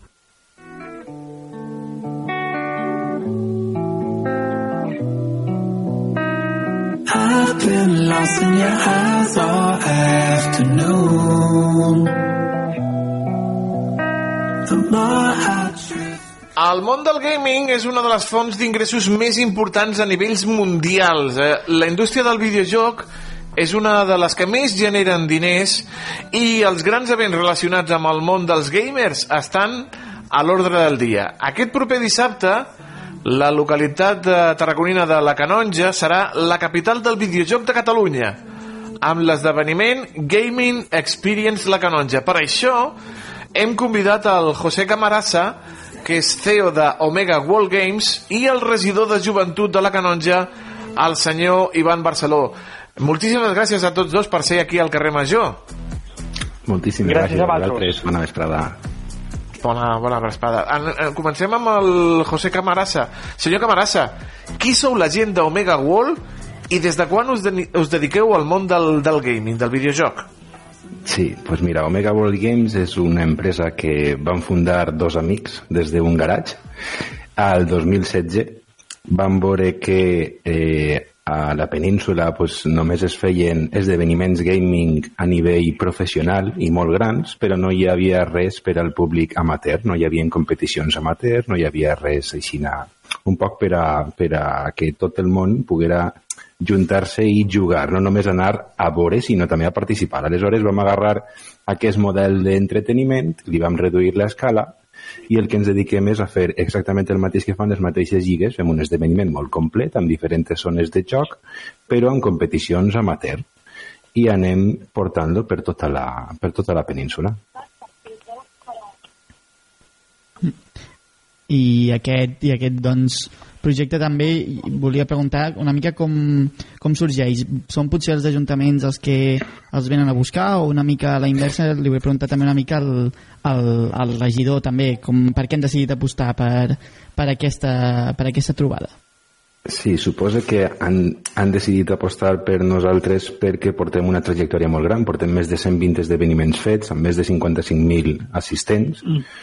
Eh, fins a 2023 ens dedicàvem només a tota la comunitat valenciana, a partir de 2023 hem expandit per, per tot arreu. Aleshores, eh, diguem que experiència tenim molta, els esdeveniments són molt complets i sí que és veritat que nosaltres el que tenim és un, un pack de servicis com el que contrata una orquestra, no? pues l'Ajuntament pot directament contratar una jornada d'oci te tecnològic, nosaltres aportem tot el material i la, la gent només té que portar les ganes de jugar. Regidor, és l'aposta no, per la gent d'Omega World Games? Bueno, la veritat és que nosaltres, eh, bueno, jo he entrat nou com a regidor de joventut aquesta nova legislatura i una de les meves inquietuds era el, el fer alguna jornada gaming per, bueno, pues, lo que deia José, no? per apropar aquesta gent amateur a, a jugar, no? I, bueno, donar a conèixer eh, aquestes competicions i que la canalla, pues, bueno, estigui, estigui aquell dia, no?, pues, puguem jugar eh, ja no en servei tancat, no? com ara ho poden fer a casa amb els seus amics, familiars, o fent-ho online amb gent coneguda, sinó que aquí ho podran fer pues, bueno, amb tot tipus de gent que, que vindrà aquell dia a l'esdeveniment. Eh, després, eh, l'hora de contractar els serveis d'Omega World, pues, bueno, eh, vam veure a veure quina empresa ens podia organitzar i mirant les diferents ofertes vam veure que Mega World pues, donava el perfil, no? De, primer per l'experiència i segon per lo proper, no? Perquè ara per ara eh, qualsevol trucada, qualsevol dubte eh, estan aquí, no?, per donar-nos suport. I és un... O sigui, eh, no sé com anirà eh, l'esdeveniment, perquè això al final és eh, la primera vegada que es fa, eh, no sabem l'afluència la, o l'acceptació la, que tindrà, però de ganes, ara per ara és el que ens sobren. Ganes de, de, de, de que surti el millor possible aquest esdeveniment. Mm -hmm. No sabem si el, si el regidor, el senyor Barceló, és gamer, si li agrada en els videojocs, però el, el senyor Camarasa segur que sí, i han canviat moltíssim, no, senyor Camarasa, els videojocs d'antes als d'ara? La veritat és que han canviat moltíssim, sí, han canviat molt. Eh, jo recorde que nosaltres abans anàvem al ciber a jugar perquè el que podia permitir-se... Jo, jo anava al Màtic. el que podia permitir-se un ordinador gamer en casa era, era un privilegiat, aleshores i aquesta dinàmica de quedar amb els amics per a jugar també com a que s'ha perdut un poc, no? Com a que ja cadascú té una videoconsola, un ordinador a sa casa i els nostres esdeveniments pues, eh, és per a que precisament que apropar a la gent, no? que torni a crear-se un poc l'ambient de que la gent s'involucre, se, se relacionen físicament, que no siga tot a través d'una pantalla. Uh -huh. eh, regidor, notaven que el jovent de la Canonja i de Tarragona i del Camp de Tarragona necessitaven un tipus d'esdeveniment com aquest, com el que es farà aquest dissabte a la Canonja? Bueno, no sé si ho necessitaven o no, però que serà un esdeveniment únic que fa anys que, o, o que mai s'ha fet aquí a les comarques de Tarragona, això ja ho podem dir. Podem dir. Eh, nosaltres, eh, una miqueta eh, acompanyant el que diu el, el José, sí que és veritat que antigament jo, a veure, jo tinc 44 anys i jo me'n recordo primer amb l'Atari, no? quan va sortir l'Atari, quan va sortir bueno. la, la, la Master System, quan va sortir la Mega Drive, no? Això a molta gent li queda lluny, no? Li queda lluny. Eh, pues era el que deia José, no? Nosaltres, els amics, ens reuníem a casa, a casa d'un i vinga, ens passàvem tota la tarda allà jugant pues el mític Street Fighter, no? O, o, el, o el Mortal Kombat. Eh, jocs eh, que, que ara per ara la, la canalla diria, hosti, quins gràfics, no? Quina manera de fer, no? Pues sí, sí, eh, van començar així, eh? No, no, el, nostre company, l'Aleix Pérez de la Nova Ràdio, riu perquè ell no ha viscut tot això de l'Atari, bueno, ni, ni, ni, del, ni de l'Spectrum d'esperar que es carregués el joc, no, que bueno, ja estem parlant de la prehistòria. No, clar, els, cassets, ja els cassets. Jo vaig agafar ja Game Boy, inicis de PSP i ja hi ha consola, consola gran i, i ordinador gamer. Jo tinc ordinador clar, ja... eh, sí, sí. Jo, jo, jo em puc remuntar, jo em puc remuntar al PC, al 386, al 286, eh, al 486, ¿vale? i després ja va vindre l'Atari, la, i després de l'Atari, pues, bueno, ja, ja podem dir la, pues, les que he anomenat abans, eh? El que passa que, bueno, I això, tant, Eh, eh, això són jocs d'arcade que, que al final la gent, eh, bueno, la gent de la meva edat, eh, s'està comprant rèpliques perquè trobem a faltar aquell mític joc de, de, de, de l'avioneta no? que anava per una pista i anava disparant als diferents, als diferents marcianitos que li sortien, no? Eh, bueno, sí, eh, com diu José, això ha evolucionat moltíssim, moltíssim, eh? Exacte, i Jo- per exemple no, hi ha, també hi ha inclús els, els emuladors que permeten recuperar tots aquests jocs en formats Sí. actuals. Eh, eh, senyor Sí. Carmassa, una mica també, què podrem trobar en aquesta Gaming Experience? Podrem trobar també la gent que ja doncs, ha vist unes quantes consoles també podrà jugar-hi, també és una crida per la gent jove, què s'hi podrà trobar? Clar, aleshores, mira, eh, a la Gaming Experience anem a trobar una zona amb videoconsoles PlayStation 5, eh, hi haurà una part de competició per a la competició de FIFA i Fortnite i hi haurà una part de joc lliure amb jocs eh, com també FIFA i Fortnite per a joc lliure, però també estarà Rocket League, Minecraft, diferents jocs eh, que la gent sol jugar molt al mercat. Després tindrem eh, la zona de simulació amb simuladors de rally, simuladors de Fórmula 1, Eh, és una zona de joc lliure accessible per a tot el que vulgui, vulgui provar-les. La zona de realitat virtual amb diferents experiències de realitat virtual, les noves Oculus. Eh, una zona per a poder fer batalles de cant i de ball amb el Just Dance i el Let's Sing. També, per cert, tenim competició de Just Dance amb prou, prou inscrits, així és que serà, serà tot un èxit. Una zona amb la Nintendo, amb jocs com Mario Kart o Super Smash Bros. Diguem que anem a tindre un poc de un poc varietat no? de, de diferents plataformes de videojocs i diferents jocs. Hi haurà zones de competició i zones de joc lliure. Mm, molt, molt interessant. I com ha comentat el senyor Camarassa, el màxim d'activitats gratuïtes, no senyor Barceló, perquè eh, sigui accessible a, a tot el poble de la Canonja i en un lloc fantàstic com és el pavelló, no, regidor? Sí, nosaltres eh, li volem donar visibilitat a, a aquesta jornada gaming, li volem donar visibilitat pues, bueno, per el propi poble de la, de la Canonja i després pels pobles del, del voltant. I el fer-ho en un espai tan gran com és el, com és el pavelló, pues, hosti, dona peu dona peu a que, a que es pugui omplir i pugui vindre el, el màxim de gent possible, no? Fantàstic, fantàstic. Projectes de futur de Omega World Games, senyor Camarassa, a banda d'aquest eh, dissabte a la Canonja. Quins són els projectes de futur de, de l'empresa? Projectes de futur. Doncs mira, ara mateix estem amb un projecte darrere de, de, de les mans que és una lliga entre universitats per tota la península eh, de diferents eh, tipus de, de joc. Tenim la nostra pròpia lliga online que ens vam veure un poc forçats a fer-la quan el Covid va parar tot el, tot el món, quan no ens deixava fer esdeveniments presencials, aleshores vam crear una lliga online i volem, pues, diguem que mm, retomar-la un poc, tornar a fer-la així amb diferents parades per tota la península i, per supost, arribar a crear esdeveniments grans com un Gamergy o una DreamHack. Uh -huh. I els projectes de futur de la regidoria, perquè avui tenim el, el senyor Barceló, que avui està ocupadíssim, amb, que ha vingut a visitar-los al handball del Barça, que jugaran un amistós contra el Puerto Sagunto, no? I, i quins són els projectes de futur com a vostè com a regidor de joventut, senyor, senyor Barceló?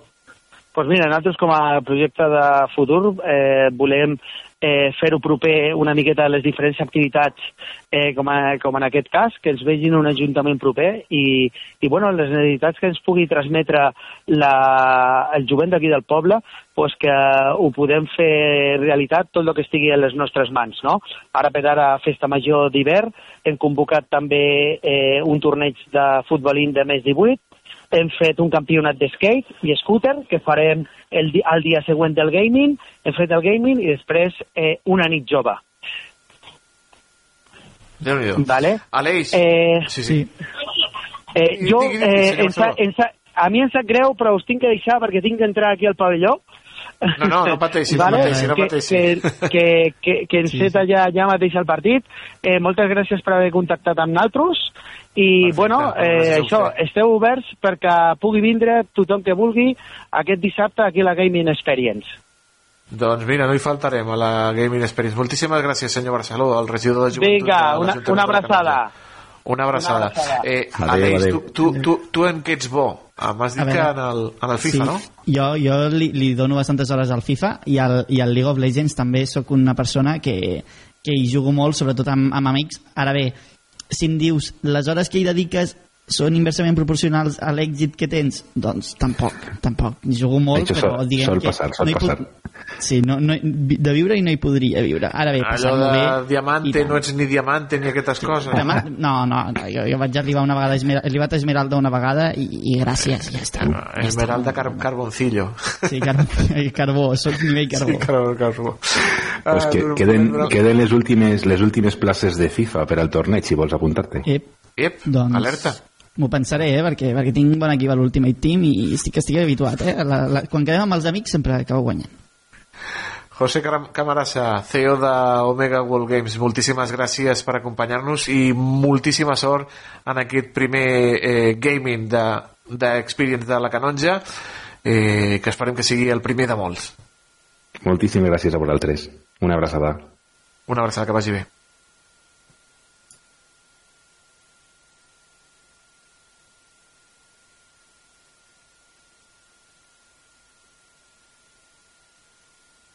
Carrer Major, al Camp de Tarragona, des de ben a prop. Doctor, Su hijo está flaco. le noto extraño. Atimbórrelo. No quiero más puré, qué rica la tortilla, apártame lo rojo de la ensalada. Ai, aquests silencis, aquestes esperes eh, que es queda l'ordinador, allò com diem, processando, processando. Processant, no? És una mica com els ordinadors que tenies tu, no? La, la, Oi, sí, no, bueno, els ordinadors. Aquells sí que s'ho pensaven, aquells sí que s'ho pensaven molt. Què t'he de dir jo, que deixava carregant la cinta i m'anava a fer unes altres coses? Aleix, amb l'arribada del nou any arriben també els nous propòsits i, i Parlant com no, coses. Parlant d'altres coses que deixes. fer dieta sempre està a la llista. Ja portem 24 dies del mes de gener i alguns han fracassat, uns altres han llançat la tovallola i uns altres estan pensant en abandonar. És bona idea començar dieta al mes de gener, després dels accessos que hem fet durant el Nadal i amb la famosa cuesta del mes de gener? Li preguntarem al nostre expert en nutrició, en Guille Mena, que ens acompanya com cada 15 dies al carrer Major i el saludem. Guille Mena, molt bona tarda. Molt bona tarda a tots i a totes. Què tal, com esteu? Molt re bé. És bona idea començar dieta al mes de gener, Guille, o, o potser un altre mes? Eh, o sigui, sempre és important començar una dieta, però no una dieta per deixar-la, sinó posar, de, tocar de peus a terra i dir, vinga, va, anem a fer les coses bé. El que passa és que sí que és cert que un cop hem fet allò, les, les com es diuen això, los, eh, ara no em sortirà. propòsits. Els propòsits. Els propòsits, exacte, els propòsits. Eh, hi ha moltes coses que van relacionades amb estil de vida, no? El tema de l'exercici, el tema de deixar de fumar, el tema de la dieta... I, i sí que és veritat que comences com amb, un, amb un, una bona empenta de motivació, no? Eh, per tant, la resposta seria que sí, és un bon moment. Al igual que, que, que fer-ho per Setmana Santa, allò tres mesos abans de l'estiu, també és un bon moment. Quan no és un bon moment? Durant l'estiu i abans de Nadal. Ai, ai, ai, ai. ai. I, i, i, I allò de, començo el dilluns. És igual, no?, el dia que comencis, però comença. No, no, no, això sí, això és absurd, absurd total. És a dir, comença avui, ara, ja, i, i sin mirar atrás, i ni lo que viene. Déu-n'hi-do. Eh, potser tenim el cos molt mal acostumat i enganyat dels dies anteriors de Nadal i, i, i pugem a la bàscula i ens diu uh, i això ens desanima, però hem de tirar endavant, no, Guille? Bueno, hem d'assumir de que eh, comencem una nova etapa en la que el nostre metabolisme, a no ser que haguem portat un estil de vida abans eh, saludable i sigui qüestió de volver al ruedo, eh, hem de, hem de ser conscients de que començarem un procés en el que el nostre metabolisme està trencat. Què vol dir estar trencat? És a dir, que nosaltres eh, la gestió energètica dels aliments que ingerim no es fa com s'hauria de fer. És a dir, que me como unas patatas fritas, me como un trozo de turrón, me como... i fàcilment creo greix i difícilment el cremo. A mi el que m'havien dit de, de sempre, Guille, és el, el cas aquest de que si menges més com que et creix l'estómac i llavors has de menjar més per sentir-te ple. És, és cert això? Una mica també és un peix que es mossega la cua? Totalment, això és una veritat com un temple. De fet, us ho explico eh, amb un exemple senzill. Les persones que superen de cirurgia bariàtrica, que fan les reduccions d'estómac, els obesos mòrbids, no? que fan llistes d'espera de 3-4 anys, una de les coses que se'ls se'ls hi adverteix és que l'estómac és una víscera que funciona com un globus. És a dir, que a tu te poden retallar l'estómac i fer-lo un terç del que era. Però si tu el segueixes acostumant a menjar quantitats, tornarà a la seva posició inicial i els 3 anys d'espera no valdran per res.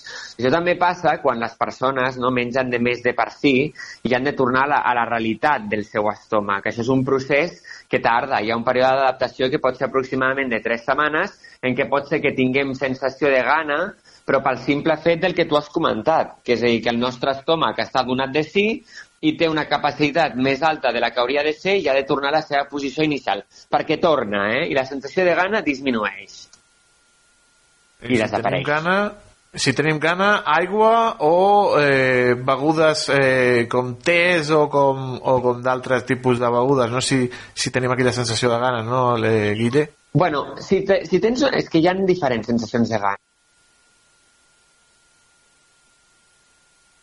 A diferencia entre gana y gula. La gula es quiero eso y me lo como. Y el hambre es me como cualquier cosa. Això és una. I després ha la gana, que seria per eh, un estómac donat de sí, que és el que ha comentat el nostre company, eh, que aquesta gana, clar, per molt que tu posis altres coses, la seguiràs tenint. Per tant, l'únic que et puc dir és sigues fort, aguanta't bé, que tranquil, que això marxarà. I ja està. Però si és una gana provocada perquè t'estàs alimentant de manera incorrecta, aquí sí que tens moltes opcions. Com més nutrients i més aliments d'alta densitat nutricional afegeixis a la dieta, més ràpid et marxarà aquesta gana. Per exemple, un exemple molt bo és fer combinacions amb fruits secs i fruita semideshidratada. La fruita semideshidratada et saciarà el moment per la fructosa que porta eh, més la fibra i el fruit sec et donarà la proteïna i el greix saludable per saciar-te a llarg plaç. Per tant, és un combo perfecte. Mm -hmm. Mira, combina el fruit sec i la fruita deshidratada. I castigar molt el cos al gimnàs, clar, si ara comencem el mes de gener i dius, m'he apuntat al gimnàs i començo a castigar-lo. No, no, poquet a poquet i a, a, amb bon peu i, a, i amb bona lletra, no? Sempre, Guille? Doncs mira, saps què et dic? Que no. Que no, que no. Ah, no? No. Saco? A saco. A saco, meva. perquè com més ràpid portis el resultat, més motivació tindràs. Això sí, si no tens ni idea de fer exercici, agafa el monitor de sala y le dius, estoy haciendo bien, ¿no? Voy a hacerlo así, ¿ok? No me voy a lesionar, ¿no? ¿Tan aseguras? I amb ganes, i venga, i venga, i venga, i a darle, i a darle, i a darle. Res de poc a poc. Si tens el temps i tu pots muntar, mínim acumular 150 minuts d'exercici a la setmana. 150 minuts. Tres sessions de, gim de gimnàs. O dues sessions de gimnàs i una sortida al cap de setmana. Això seria el mínim per aprovar. perquè m'agrada que diguis això, Guille, perquè al final també sí que hi ha vegades que hi ha una part de la població no, que potser a vegades li costa també fer dietes, però per altra banda sí que hi ha un volum de gent que li surt molt bé, no? I també a vegades és contagiós veure que hi ha persones que es cuiden, fan bé les coses i, i també t'ensenyen que és possible, en certa manera. Exacte, exacte, és un efecte dominó. I a part, això eh, és el que, justament el que has explicat. Si ho fas, funciona. D'acord? A no ser que hi hagi algun problema hormonal que, que, que et faci que et costi una miqueta més. Ho aconseguiràs igual, eh? Però el de començar a poc a poc agafant hàbits i tal... No. Al gener, no. Al gener comença a tope, tinga resultat i després ja disminuirem una miqueta. Per fer alguna realista, però a tope. Ui, ui, ui, a mi em fas patir, eh, Guille? Jo sóc dels que pugen a la bici, me tiro allà 45 minuts de dale que te pego amb la bicicleta, eh, pujant a diferents nivells, però allò de a tope, a tope, a tope... Ja et posaria a ratlla allà amb un fuet. Ja et posaria a ratlla. no, no, no m'ho puc ni imaginar, no m'ho puc ni imaginar. Vull dir, allò imaginant. de, 10 més, Toni, 10 més, i jo, però no, no puc, no puc, no puc, no. Home, jo tinc, un, tinc el comuni... Uh, Vaig a mirar... Sí, Vaig a digues. mirar per Amazon a veure si trobo algun disfraç així de làtex, d'acord? Sí. I el proper Sí. programa el fem en directe, que es pugui veure. el fuet i el... Amb una màquina d'aquestes de, de, de pedalejar, no? Mare meva, jo... M'han convidat ara, tenia una comunió al maig i ara en tinc dues. I vull entrar al vestit, Guille. Ai, ai, ai. O sigui que me poso ja o, o què? Jo, bueno, aquí respondria que no pateixis que la protagonista de la comunió no ets tu. Per tant, no, Sí. no pateixis, d'acord? Si no entres, no entres. No, és a dir, que la gent no me vingui impreses amb aquestes excuses. Això és la meva resposta. Vale, vale, però per reduir panxeta i tot això, sí que amb una bona alimentació i Sí, amb tens- tens- l'exercici tens a el saco, com has dit tu, tens, la, tens, hi ha temps, hi ha temps, hi ha temps, però que no pot ser aquesta la nostra motivació. No, no, tenim que utilitzar el mitjà de comunicació aquest, d'acord, que és la ràdio, perquè la gent es cuidi per viure més, per viure millor, per mirar-se al mirall i dir-se que bé em veig. D'acord? Encara que sigui una persona que tingui, per exemple, un, un, una, una miqueta de greix acumulat, da igual, però que bé em veig. O sigui, aquesta ha de ser la motivació, el trobar-se bé, el laboralment rendir, el no sentir-se cansat, el tindre ganes de fer coses. És que l'alimentació et porta un munt de beneficis. No podem estar pensant sempre en el tema d'entrar al vestit, o això em queda bé, no em queda... No, no, no, no. Veure's bé el mirall, ok.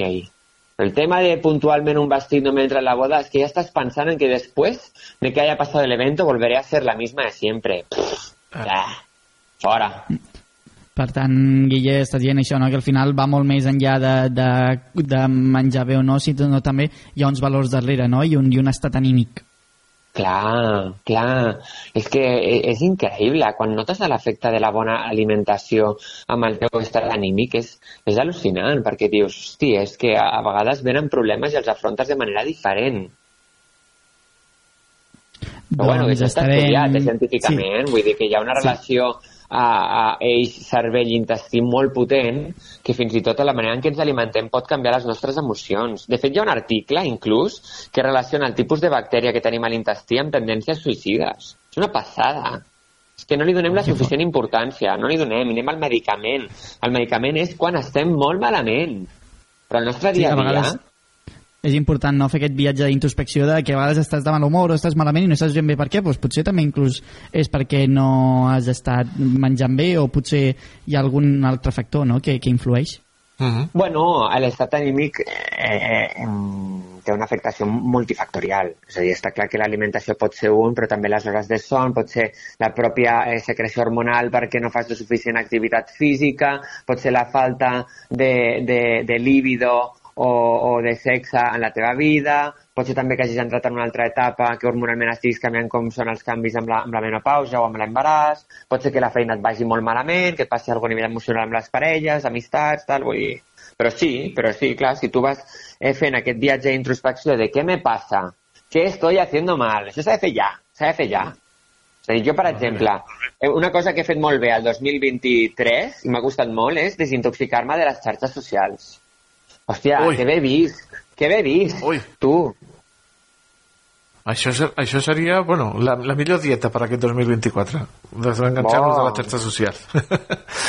Guille Mena, com sempre, moltíssimes gràcies, amic. Una abraçada ben gran i tornem a parlar d'aquí 15 dies i t'anirem informant de com evoluciona el gimnàs. Molt bé. A tope! A tope, a tope. Una abraçada, Guille. Adeu. Adeu, adeu.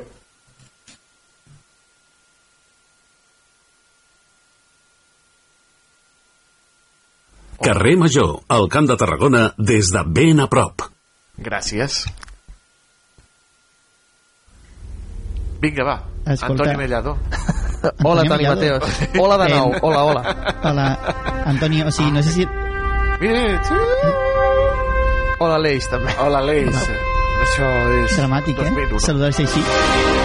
És com molt dramàtic, eh? Home, sí, amb aquesta música qualsevol cosa és dramàtica i èpica, també, no, Toni?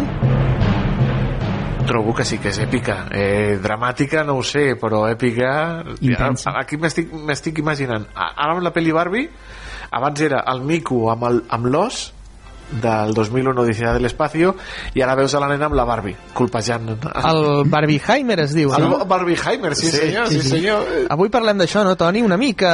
una mica d'això perquè tornen, estimat Aleix, als Premis Òscar. Eh, Bravo, bravo. bravo. Bravo, bravíssim. no? Bravo, o sigui, bravíssimo. feu l'exercici de veure'ls, no? Batros o... Sí, sí. Sí, ens quedem adormits, però intentem fer-ho. Mira, i enguany amb una destacada presència catalana. La Societat de la Nieve del Juan Antonio Bayona no sols ha quedat entre les 5 finalistes per l'Oscar de millor pel·lícula internacional, sinó que més suma una nominació més en la categoria de millor perruqueria i maquillatge. Per la seva part, eh, Robot Dreams de Pablo Berger i de producció catalana, també és un deliciós film sobre l'amistat entre un robot i un gos, opta l'Oscar de millor pel·lícula d'animació. Aquestes dues bones notícies pel nostre cinema van ser anunciades ahir en les grans nominacions als Oscars 2024. Què tenim, Toni Mateos, de nominacions? A veure. Doncs mira, gràcies, Antonio. Oppenheimer, del Christopher Nolan, afronta els premis com la gran favorita amb 13 nominacions. Ostres. Uf, són moltes. Potser, si no aconsegueix més de 5, diuen fracasso i tot això. Incloent-hi els de millor pel·lícula, millor direcció, millor guió adaptat i els seus actors, el Cillian Murphy, la Emily Blunt i el Robert Downey Jr. en les principals categories. I si no aconsegueixen guanyar, nyec. Ai, li segueixen Pobres criatures de Yorgos Lantimos amb 11, amb una Emma Stone com a favorita per l'estatueta de millor actriu. També tenim els assassins de la Lluna d'Scorsese amb 10 i Barbie amb 8. Um, ben sonada ha estat l'absència de reconeixement per a Margot Robbie com a protagonista i de Greta Gerwig com a directora que, com dèiem, no, ja han aixecat una mica enceses reaccions a les xarxes socials. Sí. A Twitter, de fet, que és A on Twitter, sempre la gent va queixar-se i a plorar. Sí, sempre, és a Twitter. sempre diem xarxes socials, però en veritat els problemes sempre estan a Twitter. És Twitter. Exacte. És Twitter. La 96a edició, 96a edició dels màxims guardons de l'Acadèmia de Cinema de Hollywood celebraran el millor del setè art després d'un any marcat per les importants vagues de guionistes i d'actors i actrius que han tingut en jaque mate a la indústria i que van posar en escac diversos aspectes del model de negoci del cinema. Però si res no ho impedeix, el pròxim 10 de març, com una altra vaga o una bufetada de Will Smith, eh, si no ho impedeix, Sí. tindrà lloc la cerimònia de lliurament de guardons, de nou amb l'humorista Jimmy Kimmel com a presentador. Recordem que és la seva quarta ocasió, després de les gales de 2017, 2018 i de l'any passat, de 2023, des del clàssic Dolby Theatre a Los Angeles. Anem amb Bayona, anem amb la Societat de la Nieve. Des de que va fer la seva òpera prima, a l'Orfanato, passant per Lo Impossible, fins a la seva participació en la saga Jurassic World, el director català s'ha convertit en el nostre autor més internacional, superant a Amenábar, qui se'n recorda ja d'Alejandro Amenábar, o de Pedro Almodóvar. El Bayona és la cara actual dels directors espanyols. Ja el 2007, Bayona, amb El Orfanato, va ser triada per representar a Espanya als Òscar en l'apartat de millor pel·lícula internacional. No va aconseguir finalment estar entre les candidates, però la seva repercussió a nivell internacional va ser apoteòsica. Es va convertir, de fet, ràpidament com un director de culte gràcies a l'originalitat de la seva proposta. I recordem que Bayona va començar dirigint vídeos de Camela. que quedi ben clar. Va ser la seva porta d'entrada a Hollywood, els vídeos de Camela no, sinó el orfanato. Ja, ja. Home, I havia... faltaria més. Sí, bueno, calla, calla. Cuando zarpa el amor és un vídeo que te cagas. Uh, Bayona seria considerat com l'Spielberg espanyol. Sempre li fiquen aquell, aquells mots especials. Molt agosarat, eh? Sí, gràcies a la seva tècnica impecable i sobretot a la capacitat d'inundar d'emoció les històries en les quals la infància és peça fonamental, així com també la pèrdua d'éssers estimats, el sentiment de buit i el desarrelament. Amb Lo Impossible va fer un pas més enllà tant a nivell de producció com de dimensió internacional per narrar la història real d'una família espanyola que va sobreviure al tsunami que va tenir lloc a Tailàndia el 2004 i per la qual el seu protagonista, la Naomi Watts, va ser nominada als Oscar el 2013. A més, en ella, el director va descobrir a un jove Tom Holland que iniciava just, justament la seva carrera, convertint-se en l'actor de moda i doncs el nou Spider-Man, el Nate, eh, aquell de l'Uncharted, de tot, de fet. De fet, eh, de fet, bueno, el noi ja me sembla que s'està prenent un descans eh, perquè el seu cap li ha dit eh, o pares o ja veuràs. El següent projecte de, després de Lo Impossible va ser un dels més personals de la seva carrera del Bayona. Un monstre ve a veure'm. La història d'un nen que, aterrit davant de la mort de la seva mare, inicia una relació imaginària amb un arbre monstre que li ensenyarà a enfrontar-se a totes les seves pors.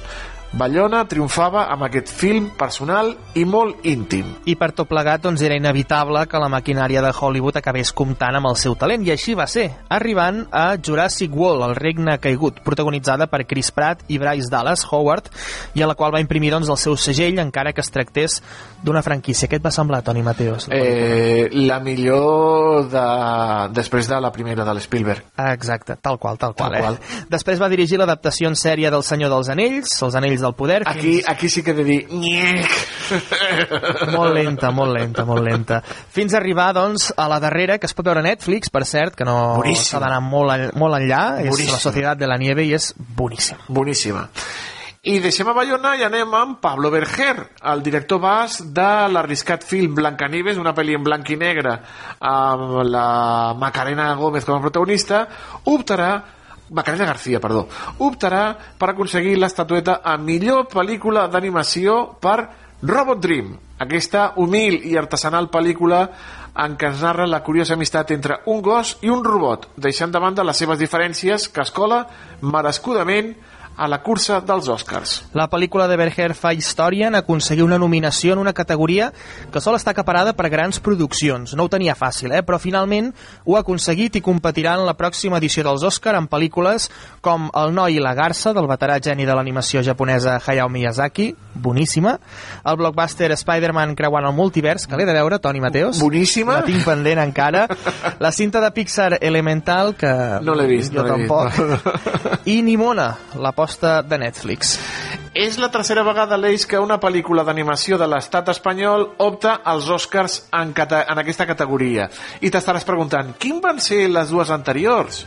Quines van ser les dues anteriors? Tenim aquí? Molt bé, Aleix. Molt bé, Gràcies per Aleix. preguntar. Mira, la primera va ser Chico i Rita, una magnífica col·laboració entre Fernando Trueba i Javier Mariscal a ritme de música cubana, i la segona, Klaus, una producció de Netflix dirigida per Sergio Pablos que ens parlava de la vida d'un carter que era enviat al Cercle Polar Àrtic a treballar i el seu amic Klaus, un senyor que fabrica joguines i que ens recorda sospitosament una mica al Pare Noel, una mica! Vaja, només, només pel nom?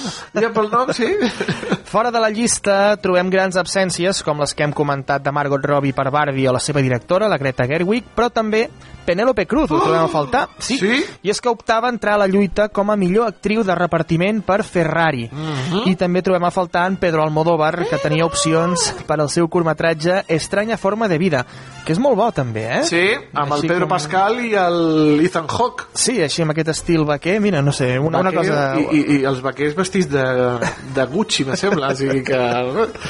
En fi, en, enhorabona als nominats i molta sort, i ja us direm aquí els tonis, no?, com ha anat la nit dels Oscars, eh, després de, de quedar-nos desperts Bonita. tota una nit, i, i al març, encara, encara queda una miqueta. Encara queda una miqueta. Antonio, gràcies, una abraçada. Ens veiem divendres. Adeu. Adeu. Adéu, vagi bé. Tot el que passa al Camp de Tarragona t'ho expliquem a Carrer Major. Banda sonora. Vinga. Doncs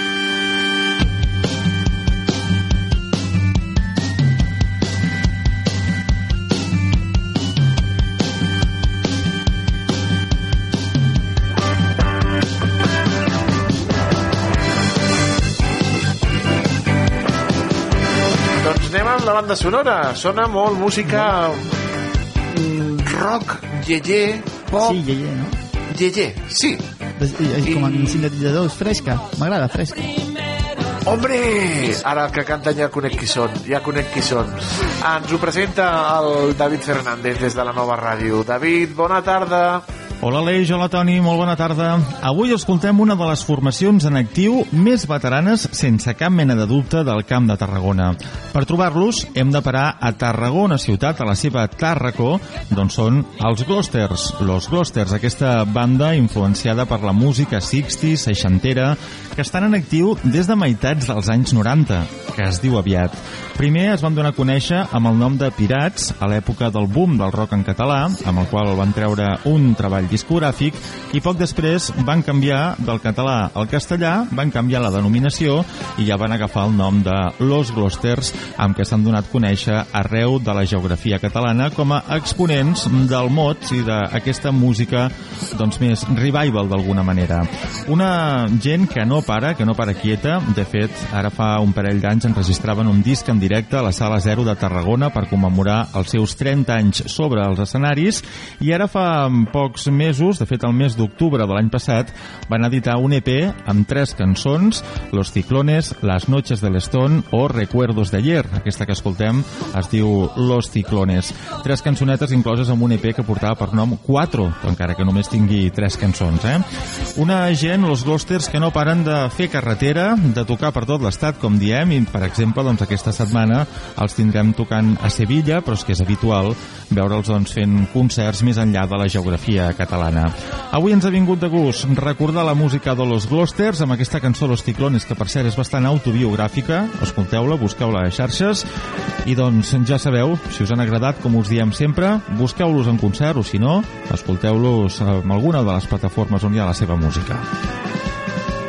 Moltíssimes gràcies, David Fernández, Los Gloster, banda mítica de Tarragona, i de Tarragona anem a Madrid perquè fins allà hi ha la furgoneta, la nostra furgoneta del carrer Major, que s'ha anat fins a Madrid i està allà alerta amb això l'Àlex Riba, enviat especial de Ràdio Ciutat de Tarragona a Fitur. Parlem amb ell. Àlex, molt bona tarda. I Ràdio Ciutat de Tarragona, a Fitur, a Madrid, i avui estem amb l'alcalde de Salou, Pere Granados. Enhorabona, no només per l'acte que va tenir lloc eh, el passat dimarts, sinó també per això, perquè Salou ja té un estant propi sota la marca de Costa Dorada, però ja té aquesta presència que vostè ha demanat eh, anteriorment. Sí, efectivament. Eh, al final s'ha entès que Salou, com a el municipi més important de costa de Catalunya i un dels més importants d'Espanya, en una fira com és Fitur, de les, la més important que tenim a l'estat espanyol, havia de tenir marca pròpia, com tenen altres eh, municipis turístics similars a nosaltres, com pugui ser un Benidorm o com pugui ser un Torremolinos o qualsevol altre de les illes. No? Per tant, era una, una qüestió que jo crec que al final s'ha entès, perquè en definitiva nosaltres venim aquí a promocionar. I per tant quan parlem de promocionar estem parlant de publicitat. I si no estàs, si la marca no té presència no existeix. I aleshores hem aconseguit això.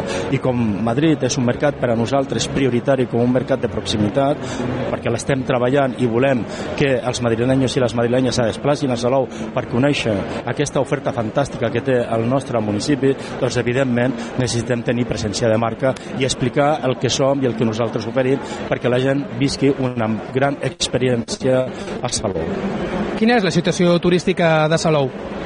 Bé, eh, nosaltres hem donat el resultat del 2023 i en quant al que és el número de visitants hem superat el 2019, que és l'any de, de referència, i hem crescut també en els mesos que no són els mesos d'estiu. Per tant, estem veient que a l'inici d'aquestes campanyes de Salou doncs, durant tot l'any està donant ja els seus eh, fruits. I jo crec que això anirà més perquè la promoció que estem fent justament és per mostrar que Salou té vida durant 365 dies. Bé, el Mercat de Madrid té tot un seguit de característiques que fa que Salou s'hagi fixat en el mateix. En primer lloc, perquè és un turisme de proximitat. Estem a dues hores i mitja en AVE i, a més a més, en, cinc, en menys de 5 hores per, a, per autopista que poden arribar fins a, fins a Salou. A banda, hem de tenir en compte que la capital, Madrid, però també les, les, les ciutats que l'envolten, que estan al seu entorn, sumen quasi 7 milions de persones. Per tant, és un volum molt important de persones que tenim aquí. I es dona la característica de que Madrid té una renta per càpita molt alta, en aquest cas fins i tot superior a la de Catalunya. Per tant, jo crec que totes aquestes característiques fa que Salou digui, escolten, detectem que ja tenim una sèrie de visitants de Madrid, anem a reforçar perquè podem obtenir un molt bon resultat del turista madrilenyo madrilenya a casa nostra. Insisteixo, turisme de proximitat, som molts madrilenyos i a més a més una renta per càpita molt alta, amb la qual nosaltres busquem aquest turisme. Imagino que d'aquí neix la campanya Salou sempre sorprende, que es va presentar dimarts. La presentació que vam fer aquest dimarts doncs, va per aquí. Nosaltres ja estem fent campanyes de presentar Salou durant, que té vida durant 365 dies, que té vida durant tot l'any, i és el que fem. Per tant, Salou sorprèn més enllà de lo que és a l'estiu. I Salou sorprèn contínuament perquè sempre està innovant nous productes turístics, com és en aquest cas la gastronomia, la ruta dels miradors, etc etc i tot un seguit d'oferta eh, que, te, que tenim i que tindrem perquè el turista i el visitant doncs, gaudeixi de la nostra ciutat. Salou en el seu moment va notar l'impacte de la guerra d'Ucraïna. Aquest eh, impacte ja s'ha acabat? Bé, ens va impactar molt en el sentit de que nosaltres érem eh, líders eh, com a destí turístic eh, a Rússia i també a Ucraïna l'estàvem treballant i teníem molt bon resultat. Però també de retruc, eh, Bielorússia, que també està afectada. És evident que no hi ha cap turista rus perquè les fronteres estan tancades, Ucraïna està immersa en una guerra i Bielorússia, pues ja sabem quina és la situació. Però nosaltres hem treballat de valent, els mercats tradicionals els reforcem i busquem nous mercats. I el resultat és que nosaltres hem superat el 2019 en número de visitants, hem superat els 2 milions. Vol dir que per part de l'Ajuntament de Salou, del Patronat Municipal de Turisme i també del sector privat, dels empresaris i empresàries del turisme, i quan parlo de turisme és des de l'allotjament fins a lo que és la botiga i fins a lo que és la restauració, s'ha fet una molt bona feina a Salou perquè, insisteixo en el número, hem superat el 2019, hem superat els 2 milions de visitants i això és una bona dada perquè no és incompatible el volum amb la qualitat del turista i l'increment de la despesa, com hem demostrat amb aquestes dades que ens ha facilitat la Caixa, que diu que s'ha incrementat la despesa del turista aquest any en relació a l'any passat. L'any passat es va incrementar en un 40% en relació al 2019, que és l'any de referència. Imagineu-vos vosaltres el turisme que ens està venint. I aquesta és la línia, i per això insistim molt que Madrid és un mercat que té una sèrie de característiques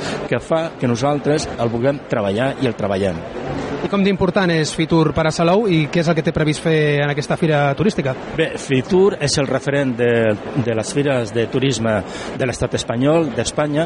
Aquí es dona cita a moltíssima gent. És una fira finalista, és a dir, que vindrà molta gent a visitar, per això insistia molt en tenir aquesta presència de marca, perquè la gent que volia venir o veure Salou era un llistat que teníem a Costa Dorada amb 10 municipis més, i és un llistat i ja està, i ara vindran i veuran que sí que existeix Salou i per tant es podran dirigir per informar-se. Aleshores, en primer lloc, això, és a dir, una promoció molt important per professionals, evidentment, però també pel gran públic. És un punt de trobada on es treballen moltíssim amb tots els agents turístics. Nosaltres tenim moltíssimes reunions durant tot el dia d'avui i durant tot el dia eh, de demà i, per tant, aquest punt de trobada fa que també es donen cita no només al mercat espanyol, sinó que també al mercat internacional, com per exemple les reunions amb Jet2, etc etc. Com d'important és l'associacionisme també de, del territori amb Salou, que és una cosa que vostè sempre destaca? Perdó? Que com d'important és l'associacionisme de, del territori amb Salou, que és una cosa que vostè sempre destaca. Amb Tarragona, amb el Priorat, per exemple, amb el vi... Sí, nosaltres, eh, quan promocionem Salou, en primer lloc, i això s'ha d'entendre, promocionem el nostre producte propi del nostre municipi. Però hem de ser conscients que tenim unes característiques que ens fan i ens reforcen com a destinació i aquest ens fan és més competitiu perquè quantes destinacions turístiques poden dir que al voltant seu tenen un número tan important de denominacions d'orígens d'enoturisme, de vinícoles? Molt poques. I Salou les té. A 20 minuts tenim el Priorat. La segona, diguem-ne, denominació amb una distinció de qualitat com és la Rioja. Només hi ha dos a Espanya. Escolta'm, això és un producte nostre. L'hem de vendre com un producte nostre. I nosaltres fem territori, un portaventura. És un turisme d'experiència. Nosaltres diem que està a casa nostra perquè a més a més és veritat, o si no a 20 minuts a 30 minuts, que la distància en el temps, avui dia 30 minuts o 20 minuts és no res, per tant és un producte propi de Salou, però jo insisteixo que la fortalesa del producte turístic de Salou és molt important, molt, però el territori ens reforça moltíssim i nosaltres Moltíssimes gràcies eh, al nostre company l'Àlex i també moltíssimes gràcies a l'alcalde Pere Granados de Salou. Nosaltres tornem demà. Que vagi molt bé. Adéu-siau. Fins demà.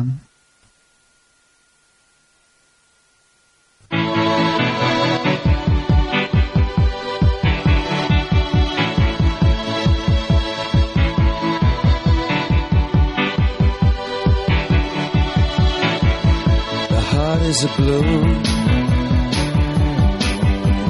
up through the stony ground. There's no room, no space to rent in this town. You're out of luck. And the reason that you had to care, the traffic is stuck. And you're not moving anywhere. You thought you found a friend take you out of this place. Someone you could lend a hand in return for grace. It's a beautiful day.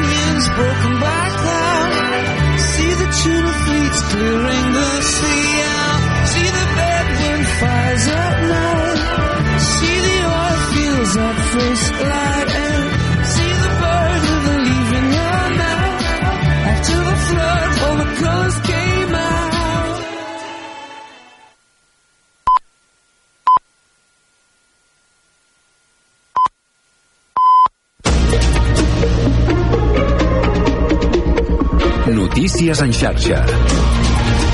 Bona tarda, són les